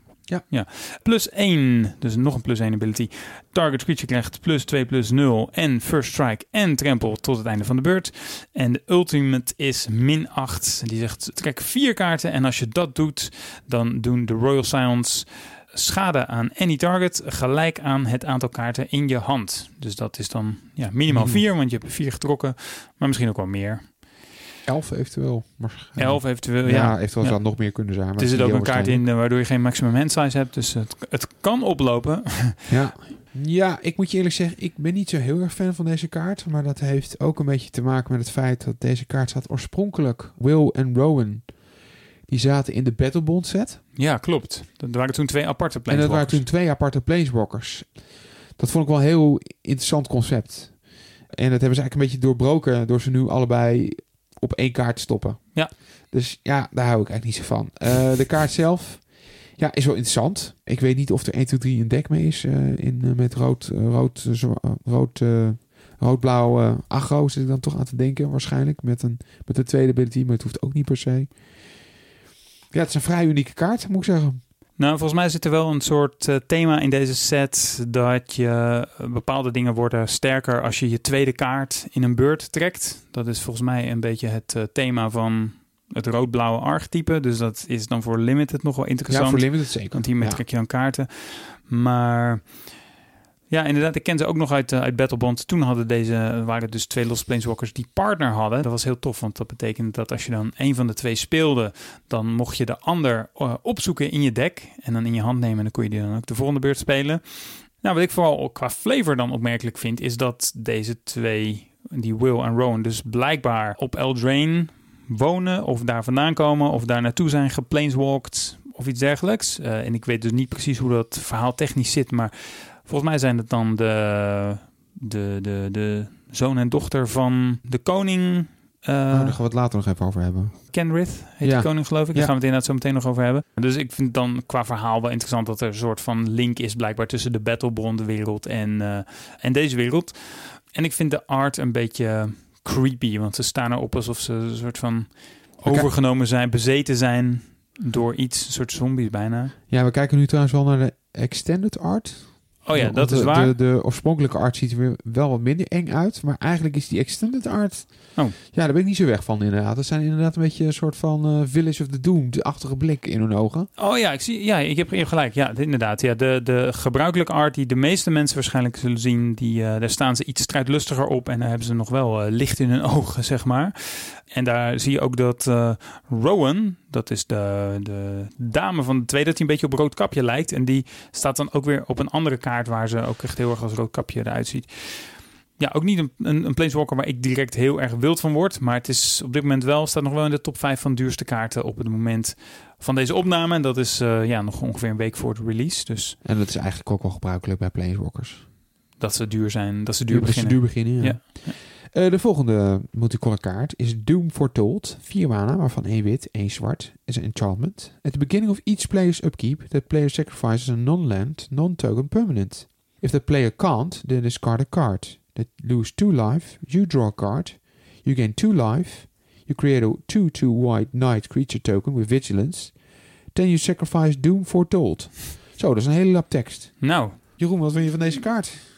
Ik vind hem heel interessant. En toen ik hem de eerste keer las, dacht ik ook: wauw, dit is supergoed. Het deed me denken aan een hele oude kaart. The Abyss. Dat is een, ook een enchantment dat je neerlegt. En dan moet ehm, elke speler moet dan elke beurt in zijn upkeep een non-artifact creature destroyen. En dat gebeurde gewoon elke beurt. Dus ik dacht, hé, dit lijkt heel erg op. Maar dit gebeurt dus eigenlijk ja, niet de hele tijd door.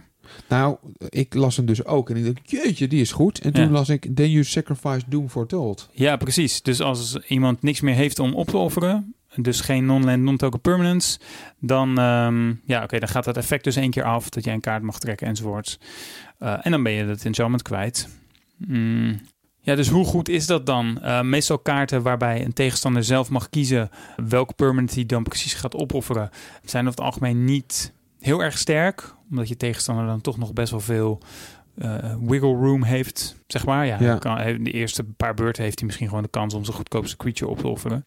Ehm, aan de andere kant zou je ook kunnen zeggen, het is toch minimaal een 3 for 1. Hè, op het moment dat, eh, dat je tegenstander niks heeft om op te offeren, nou, dan gaat dit enchantment dus kapot. Maar dan moet je tegenstander wel een kaart discarden. Jij mag een kaart trekken en je krijgt ook nog eens een token. Dus dan hou je toch nog best wel wat eh, eraan over.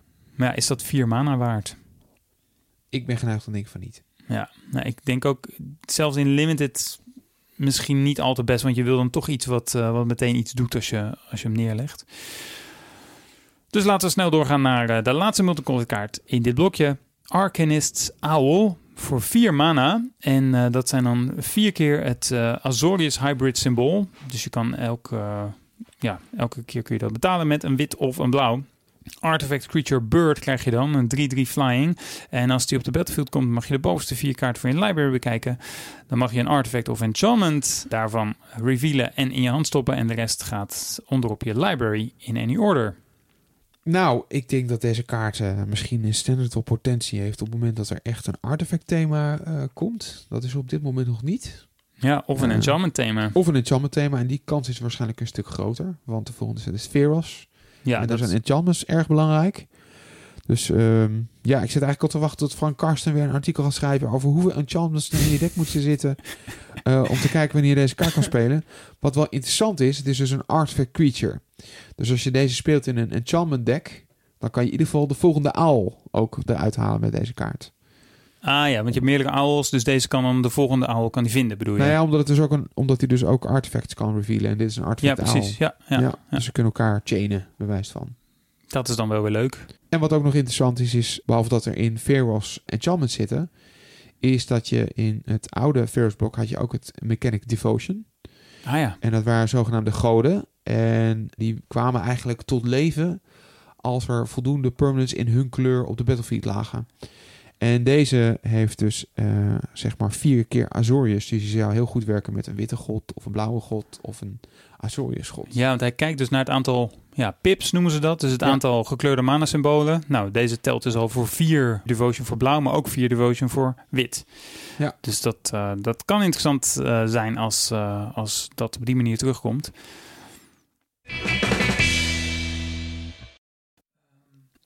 Dan zijn we aanbeland bij de artifacts. En het eh, eerste artefact is een vehicle. Hey, dat hebben we ook een tijdje niet meer gezien. Enchanted Carriage voor 5 mana. When Enchanted Carriage uh, enters the battlefield, create two 1-1 white mouse creature tokens. Dus je maakt twee muisjes. Enchanted Carriage is zelf 4-4. En die wordt actief als creature als je crew 2 doet. Dus dan zou je dus die twee muisjes kunnen tappen om dat carriage te gaan bereiden. En het is ook nog eens, als je het plaatje bekijkt, een uh, soort pompoenvormige wagen. Oftewel, regelrecht assenpoester. Ja, precies. Heb jij de mouse tokens al uh, bekeken, Jeroen? Nee, zijn die vet? Ja, die zijn toch echt wel heel erg schattig. Ja? Ja. En deze kaart is op zichzelf gewoon heel erg schattig. Ja. Hij gaat geen play zien in Modern. Hij gaat geen play zien in Standard. Maar ik denk dat deze kaart misschien best nog wel interessant kan zijn voor, uh, voor Limited. Ik denk dat het daar best een goede kaart kan zijn. Ja. En zoals ik al zei, ja, het is gewoon echt een, uh, een prachtig, uh, prachtig mooie kaart gewoon. Zeker. En daarom hebben we hem ook eventjes in dit rijtje gezet. wat is het volgende artefact? Stone Coil Serpent. Iets, iets minder schattig. Ja, zeker. En die kost X mana. Dus je mag eigenlijk zelf weten hoeveel mana, voor hoeveel mana je hem speelt. Ja. Artifact Creature Snake. 0-0. Dus kortom hangt weer vanaf hoeveel mana betaal je ervoor. Ja. En die heeft ook een heleboel abilities. Reach, opnieuw. Trample. Protection from Multicolored. Ja. Stone Coil Serpent enters the battlefield with X plus 1 plus 1 counters on it. En hij is zelf 0-0. Ja. Dus betaal je 4 mana, dan heb je een 4-4 Reach, Trample, Protection from Multicolored. Dat klinkt uh, niet verkeerd. Nee, ik, uh, ik, ik, ik, heb mensen. Ik denk dat het in standaard gewoon een hele goede kaart is. En ik weet niet hoe gevaarlijk deze, of deze kaart echt gevaarlijk is. Maar het is wel weer lastig, want het is wel weer echt zo'n uh, zo'n kaart die in principe in elk deck zou kunnen stoppen. Ja. Dus ja. ik zou me heel goed kunnen voorstellen dat vliegers het vrij lastig gaan krijgen in het nieuwe standaard. Ja, als je maar genoeg mana erin draait, dan ja, wordt hij gewoon zo groot dat hij alle, alle vliegers gewoon kan blokken zonder zelf dood te gaan. Zeker als ze multicolored zijn, want dan uh, heeft hij daar protection van. En hij kan ook eens heel goed aanvallen, want hij heeft trample. Precies. Ik denk een hele goede kaart. Ja, dit lijkt me ook een bom. Ja. Ja, dan hebben we eigenlijk uh, de noemenswaardige artifacts uh, besproken. En dan gaan we door naar het laatste blokje. En het laatste blokje met kaarten is het blokje wit. En uh, de eerste kaart daarin is Hushbringer. Die kaart kun je casten voor twee mana, waarvan één wit. Dan krijg je een creature fairy 1-2 met flying en lifelink. En die zegt dat creatures die de battlefield inkomen of die doodgaan, dat die uh, er niet voor zorgen dat er abilities triggeren. Nou, dat eerste hebben we wel eens gezien, dat uh, Enter the Battlefield triggers uitgeschakeld worden. Orb. Ja, de Cutley Honor Guard. Dat is een creature dat hetzelfde doet. Maar dat uh, ook die triggers worden uitgeschakeld, dat hebben we nog niet zo heel vaak gezien. Misschien maar één keer of twee keer? Of... Ik zou het niet weten, eerlijk gezegd. Nee, we hebben wel een kaart gezien die uh, die triggers verdubbelt, geloof ja. ik. Of uh, dat hij een extra doet. Maar dat is dus best wel nieuw aan deze kaart. Dus ja, ik denk dat het in veel omstandigheden wel een, misschien ja, een soortzelfde torpor orb zou kunnen zijn. Of een betere torpor orb misschien wel. Dit is dan eentje die je kan tutoren met creature tutors. Mm. Die kan ook een aanvallen, leven kan gainen. Ja, ja. Ja, weet je, ik heb altijd een beetje dubbel gevoel bij dit soort kaarten. Want aan de ene kant denk ik wel dat ze nodig zijn. En aan de andere kant vind ik het ook een beetje een zogenaamde partypooper kaart.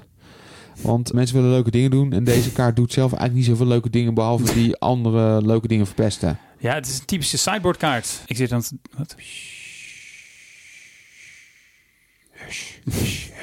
Ja, en we gaan naar de volgende kaart.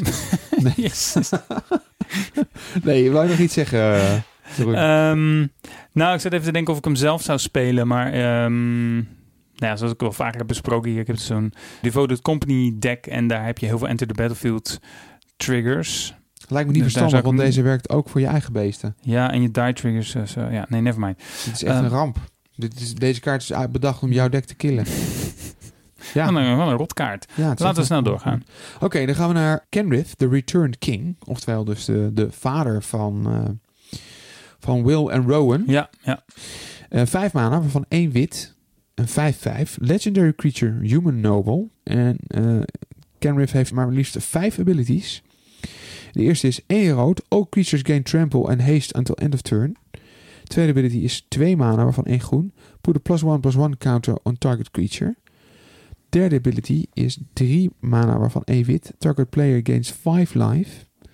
De vierde ability is 4 mana waarvan 1 blauw. Target player draws a card. En de vijfde en laatste ability is 5 mana waarvan 1 zwart. Put target creature card from a graveyard onto the battlefield under its owner's control. Poeh, wat een lijst. Jeetje, is dit een goede kaart? Trouwens, dit is dus, ik weet niet of dat al zei had gezegd, maar dit is dus de buy box promo. Ja, dus Dus die kun je niet in boosters vinden. Kan je niet in boosters vinden. Je kan hem op twee manieren krijgen. Je kan hem door een eh, box te kopen, kan je hem krijgen. En je kan hem door een een of andere, ik ben de naam exact kwijt, maar er is een, weer een super, super, super deluxe product. Oh ja. Wat Ja. 450 dollar kost. Het is echt een waanzinnig iets. En dan krijg je deze kaart non-foil. Dat is, dat is een beetje gek. Maar goed, eh, dus als je deze in non-foil ziet, dan weet je dat iemand echt goed bij kas zit. Mhm. Maar eh, ik zit naar die kaart te kijken en ik, ik had al mensen gesproken die zeggen, ja, het is eigenlijk niet, het is een, het is een leuke kaart, maar hij doet niet zo heel veel. Maar dit lijkt me toch best wel een interessante kaart in, in verschillende formaten. Nou, ik denk natuurlijk dan meteen aan Commander. Ja, Mm, wel vijf Ik- kleurencommando dan. Ja, dit is dus Ja. meteen een vijf kleuren commander. Want alle verschillende kleuren mana-symbolen staan op deze kaart. Dus dan telt het gewoon als een vijf kleuren commander. Dus in dat opzicht is het, is het wel interessant. Eh, competitief lijkt hij me niet zo goed. Of het is een competitive EDH, zoals dat heet. Ja, hij doet een heleboel totaal verschillende dingen eigenlijk. En ook niet heel erg efficiënt. Ja, een kaart laten trekken voor vier mana. Of iets uit een graveyard eh, terughalen voor vijf mana. Nou, oei, je kan wel alles terughalen. Het gaat naar de battlefield, hè? Ja, dat is waar. Maar dan de wel. laatste bit wel heel goed, hoor. Ja, maar dan, ja, dat klopt. Maar dan dus wel eh, dingen uit de. Als je dus iets uit de graveyard van je tegenstander haalt, komt het ook onder de controle van die tegenstander op de battlefield. Dat is waar, maar dat kan je wel weer heel goed... En ik speel geen commander. Mhm. Maar dat kan je wel heel weer goed gebruiken om, om vriendschappen te sluiten. Ja, wat dat betreft is het wel een hele politieke kaart. Wat leuk is voor een koning. Dus dat, ja, dat is, het is echt een soort van group hug kaart. En dat vind ik dan ook weer qua flavor wel heel interessant. Dat het dus blijkbaar een soort koning is die ja, een beetje mensen eh, ja, bij, elkaar kan brengen inderdaad. En op allerlei verschillende terreinen, hè, dus die verschillende kleuren, kan rulen. Ja, want hij zegt ook target player gains 5 life. Ja. Target player draws a card. Ja. Ik, nou goed, ik ben zelf geen commanderspeler. En ik, ik geloof je meteen als je zegt deze kaart heeft in competitive commander absoluut geen plek. Maar ik vind het wel een leuke kaart eigenlijk. Ik denk dat dit een hele populaire commander kan worden in ja, wat ze noemen een group hug deck. Dus waarin je ja, het vooral leuk probeert te houden. En ook hier en daar eens wat kaarten uitdeelt om, eh, om mensen een leuke tijd te laten hebben. En uiteindelijk toch dan met de winst eh, vandoor gaat natuurlijk. Eh, ja, en dan is het nog wel leuk om te vertellen dat het schijnt dat eh, het pakje, dus het, eh, de armor, zeg maar, de kledij die Kenrit aan heeft op deze kaart, dat dat geïnspireerd is op de kleren van koning Arthur in de film Monty Python en de Holy Grail. Oké, grappig. Dat wist ik niet, maar dat ja, weet ik sinds vandaag en dat weten jullie nu ook. Oeh. Ja, en dan eh, de laatste kaart die we gaan bespreken van Throne of Eldraine. We begonnen deze setbespreking met eh, Once upon a time. Inderdaad. En we eindigen dan natuurlijk ook met Happily Ever After. Drie mana, waarvan één wit, een enchantment. En die zegt eh, een paar dingen. Ten eerste, when Happily Ever After enters the battlefield, each player gains 5 life and draws a card. Nou, dat is leuk voor iedereen. Maar dan zegt hij ook nog, en dat is minder leuk voor, eh, voor iedereen. At the beginning of your upkeep, if there are five colors among permanents you control, There are six or more card types among permanents you control and or cards in your graveyard.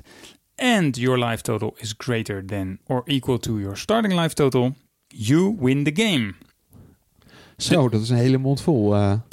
Ja, dus hij checkt het aantal kleuren dat je hebt liggen. En dat moet dan vijf zijn. Hij checkt het aantal cardtypes dat je hebt op, de battlefield, of en, in de graveyard. en in je graveyard. Dan moeten er dan zes of meer zijn. En hij checkt of je levenstotaal groter is dan aan het begin van het spel. Dus dat is meestal 20 of meer. Maar in Commander zou het dan zijn 40 of meer. En als dat allemaal het geval is, dan win je de game. Nou, die eerste, het eerste wat op de kaart staat helpt daar natuurlijk al een klein beetje bij. Je, je gaint leven en je trekt een... eh, eh, nou, dat je een kaart trekt helpt daar niet echt bij trouwens. Maar deze kaart deed mij een beetje denken aan Coalition Victory. Ken je die kaart nog? Nee. Het is een kaart eh, voor nou, volgens mij wel acht mana. En volgens mij is die ook zelfs geband in bepaalde formaten. Dat is een sorcery voor acht mana, waarvan eh, eh, ook de alle Wooburg kleuren. En die zegt, je wint het spel als je een landje van elk basic land type eh, hebt en een creature van elke kleur hebt. Maar het is, het is een sorcery. Dus die cast je en op dat moment checkt hij van heb je elk basic landtype en heb je vijf kleuren creature, zeg maar. Ja, dit is dus hetzelfde, alleen jij je cast hem, dan moet je eigenlijk dus een beurt wachten en dan in je volgende upkeep, dan gaat hij dat checken. En dan win je. Nou, Het is enorm veel gedoe, denk Dit- ik vooral. ja, dit is wel een uitdaging. Ja, dit is typisch zo'n kaart die eigenlijk wel matig is, maar waardoor sommige spelers zich dan toch weer uitgedaagd voelen om daar een, eh, een deck mee te maken. Sommige mensen houden gewoon heel erg van alternatieve wincondities. Ja. En laten we wel wezen, als je dit voor elkaar krijgt, dan is het wel heel erg cool. Dan heb je wel een mooi verhaal. Maar als je een commander speelt en je probeert dit elke keer voor elkaar te krijgen, na, na twee, drie keer is de lol er dan ook wel weer een klein beetje af. En dan wordt het alleen nog maar heel erg lastig, denk ik. Ja, en ik denk ook als dit je winconditie is en je bouwt je hele commander deck daaromheen, dan is het denk ik ook niet een supergoed deck. Mm, maar ja, aan de andere kant, ik denk als je een, een set bouwt rondom een sprookjesthema, dan kan een kaart die Happily Ever After heet daar natuurlijk niet in ontbreken. Dus dan moet je daar iets mee en dan ja, komen ze blijkbaar hierop uit. ik weet het niet. Ja, ik eh, kan niet zo heel veel met deze kaart. Ik denk niet dat hij echt iets gaat doen in eh, formats. Dus ik denk niet dat je heel blij bent als je dit als rare opent. Nou, dat is dan eh, totaal eh, tegenstrijdig aan de naam van de kaart. ja, Happily Ever Je After. wordt er dus niet blij van. Nee, bepaald niet. Nee, Nou, jammer. jammer. Ja, toch een beetje een mineur eh, einde.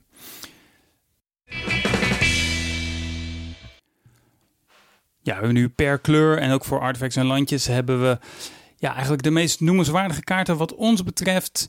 Die misschien een beetje impact gaan maken in, in allerlei formats. Hebben we de revue laten passeren. Maar ja, helaas is eh, deze podcast te kort om echt recht te doen aan alle flavor waar deze set mee volgestopt zit. Want ja, er zitten echt gewoon zo ontzettend veel meer verwijzingen naar verschillende sprookjes in deze set dan, dan we hier kwijt kunnen.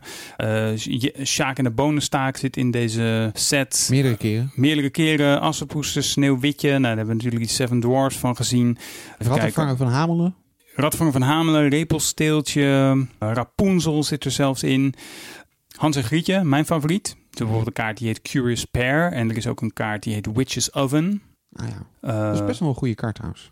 Ja, even kijken wat hij doet hoor. Oh ja, artefact voor één mana. Ja, ook heel flavorful. Want je kan hem tappen en een creature opofferen en dan creëer je een food token. Maar als het een groot creature was, dus als het toughness groter was dan vier, dan creëer je twee food tokens. Maar ook alweer tamelijk macaber. Ook wel een beetje, ja, een beetje macaber, ja. ja. Had jij nog kaarten die we, die we toch nog even moeten noemen uit flavor oogpunt? Nou, omdat eh, Dave eh, eventjes weg is, eh, vind ik het toch wel even leuk nog even een kaart uit te halen over zijn favoriete sprookje. Dat is namelijk Blow Your House Down. Nou Drie ja, manen, waarvan één rood, sorcery. Up to three target creatures can't block this turn. Destroy any of them that are walls. Nou ja, niet eh, eh, een ontzettende belangrijke kaart zal het zijn, maar wel... eh, ja, er staat een hele grote wolf op die de boel eh, probeert omver te blazen. Dus dat vond ik wel aardig. ja, grappig. Ja, ook wel heel flavorful inderdaad. Nog met die toevoeging dat, dat die walls niet omver krijgt. En eentje die we ook nog hadden gemist, een hele leuke adventure kaart. Eh Lovestruck Beast. Dat is voor drie maanden waarvan één groen een Beast Noble.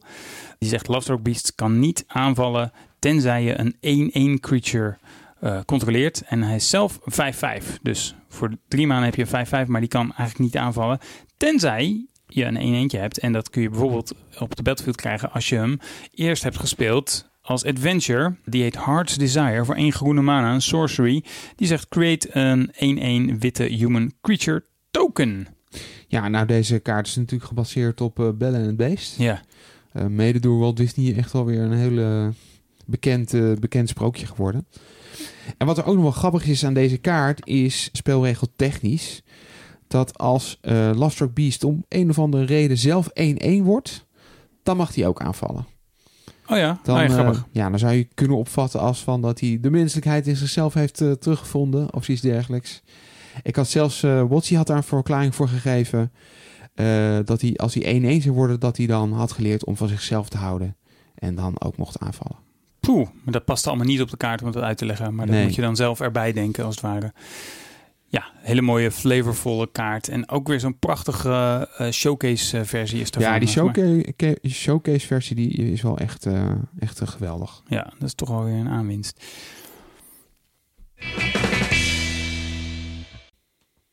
Nou, Dave is ge- gelukkig weer aangeschoven. En dan kunnen we nu eh, ja, naar de conclusie. Zijn we ook een beetje hyped over het geheel? Qua flavor zeker. Ik vind het echt eh, van de top-down eh, vind ik het echt een fantastisch eh, design. Ik ben heel, heel erg nou hyped inderdaad over hoe, hoe deze set eruit is gekomen. Qua power level van de kaarten en eventuele playables, not sure. Er zijn niet echt kaarten die er voor mij uitsteken dat ik denk van wauw, die gaan in bepaalde formaten echt heel veel werk doen. Behalve natuurlijk standard en limited en cube en et cetera. Maar voornamelijk modern legacy en zo zijn er niet heel veel kaarten. Emery is eentje, waarvan ik inderdaad wel denk die. Dus ja, dat zich eh, flavor ja, power level nee.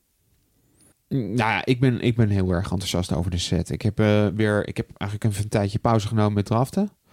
Maar eh, vanaf volgende week ga ik weer lekker draften op, op maandag. Ik heb gewoon heel veel zin om deze kaarten te openen.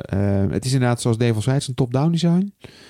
En Innistrad was al een van mijn favoriete sets ooit. En eh, misschien komt deze dan ook weer in dat rijtje. Ik, eh, ja, ik heb er heel veel zin in. Hm. En ik heb ook wel toch wel aardig, wat aardige cube-kaarten gezien. Dus daar heb ik ook wel, eh, daar kijk ik ook wel naar uit. En stiekem, als we het dan over booster fun hebben. Ja, eh, ik vind het stiekem toch wel leuk, die booster fun. Eh, ik hoop dat ik een paar van die hele mooie kaarten ga openen en dat ik die dan in mijn cube kan stoppen. Ja, ik ben het wel een beetje met jullie eens. Ik heb ook heel veel zin om dit te draften. Volgens mij is het een heel erg tof limited formaat. En ik vind die adventure kaarten heel erg tof. Lijkt me geweldig om daarmee te spelen. Voor Modern zie ik inderdaad niet super veel nieuwe kaarten. Maar daar ben ik eigenlijk ook wel eventjes blij om. Na eh, een paar sets die heel erg veel Ja, goeie. verandering Ja. teweeg hebben gebracht in Modern. Ik weet niet of ik het daar helemaal mee eens was hoor. Ik denk dat Once Upon a Time, Emery, dat zullen toch wel, zouden hele invloedrijke kaarten kunnen worden. Oké, nou ja, dat gaan we zien. Maar het is in elk geval geen Modern Horizons, zeg maar. Nee, nee. En wat ik ook niet. leuk vind- Gelukkig niet. Gelukkig niet, nee. Ehm, verder vind ik het power level denk ik wel meevallen. Maar ja, wat we helaas niet in het tijdsbestek van deze aflevering hebben kunnen bespreken. Dat zijn die eh, brawl eh, decks. maar Ook weer met speciale eh, daarvoor geprinte commanders. En dat is natuurlijk weer heel interessant voor mijn lievelingsformat Commander. Dus ik ga daarin zeker nog even grasduinen. En kijken wat voor nieuwe brews ik daarmee kan maken. Dus daar ben ik wel enthousiast over voor het format Commander. Dus niet speciaal voor het format Brawl. Want ja, ik weet niet of het gaat lukken om daar echt nieuw leven in te blazen. En verder, ik had een beetje mijn zeg maar, reserveringen voor dat, eh, of toen het spoilerseizoen begon. Ik kreeg een beetje dezelfde vibe als rond Ixalan Blok. Een beetje kinderachtige eh, tropes die naar boven worden gehaald. Dat waren toen piraten en eh, dinosaurus en zo. En nu zijn het dan sprookjes. Nou, ik wil er nog e- één dingetje aan toevoegen. Een laatste dingetje. Ik weet even niet meer exact wanneer dat was. Maar er was ook wel zo'n periode dat we echt de ene na de andere donkere set hadden. Waarin er allerlei dingen misgingen en vreselijke dingen gebeurden. Ja. Mhm. Dus wat dat betreft ben ik eigenlijk wel blij dat een keertje wat meer luchtiger. En ja, zo luchtig vind ik het eigenlijk niet eens. Want sprookjes, ik vond het kind doodeng. Ja. Maar goed, eh, Ja, ik denk dat ze dat ook wel goed uitgebeeld hebben hoor. Visueel is heel, de meeste kaart heel luchtig inderdaad, maar toch aan de onderkant is het allemaal heel, weer heel donker en zo. dus ik vind het wel, Ja. ik vind het zelf een mooie mix. Ja. Laat het daarop houden. Top. En daarmee zit deze 32e aflevering van Studio Magic er alweer op. Wil je meer horen? Wij zijn te vinden in iTunes en in Spotify. En daarnaast in Stitcher, TuneIn en in andere populaire podcast apps. Je kunt je daar gratis abonneren en eerdere afleveringen beluisteren. En volgende afleveringen natuurlijk ook. En al die afleveringen kun je ook afspelen via onze eigen website studiomagic.nl. Je doet ons een groot plezier als je ons volgt op Twitter of liked op Facebook. Daar kun je ons ook vragen stellen of feedback geven. Op beide sociale netwerken heten we Studio Magic NL. De muziek die je hoorde is de track Surf Shimmy van Kevin MacLeod onder een Creative Commons licentie. Meer informatie daarover in de show notes. Bedankt voor het luisteren en tot de volgende Studio Magic.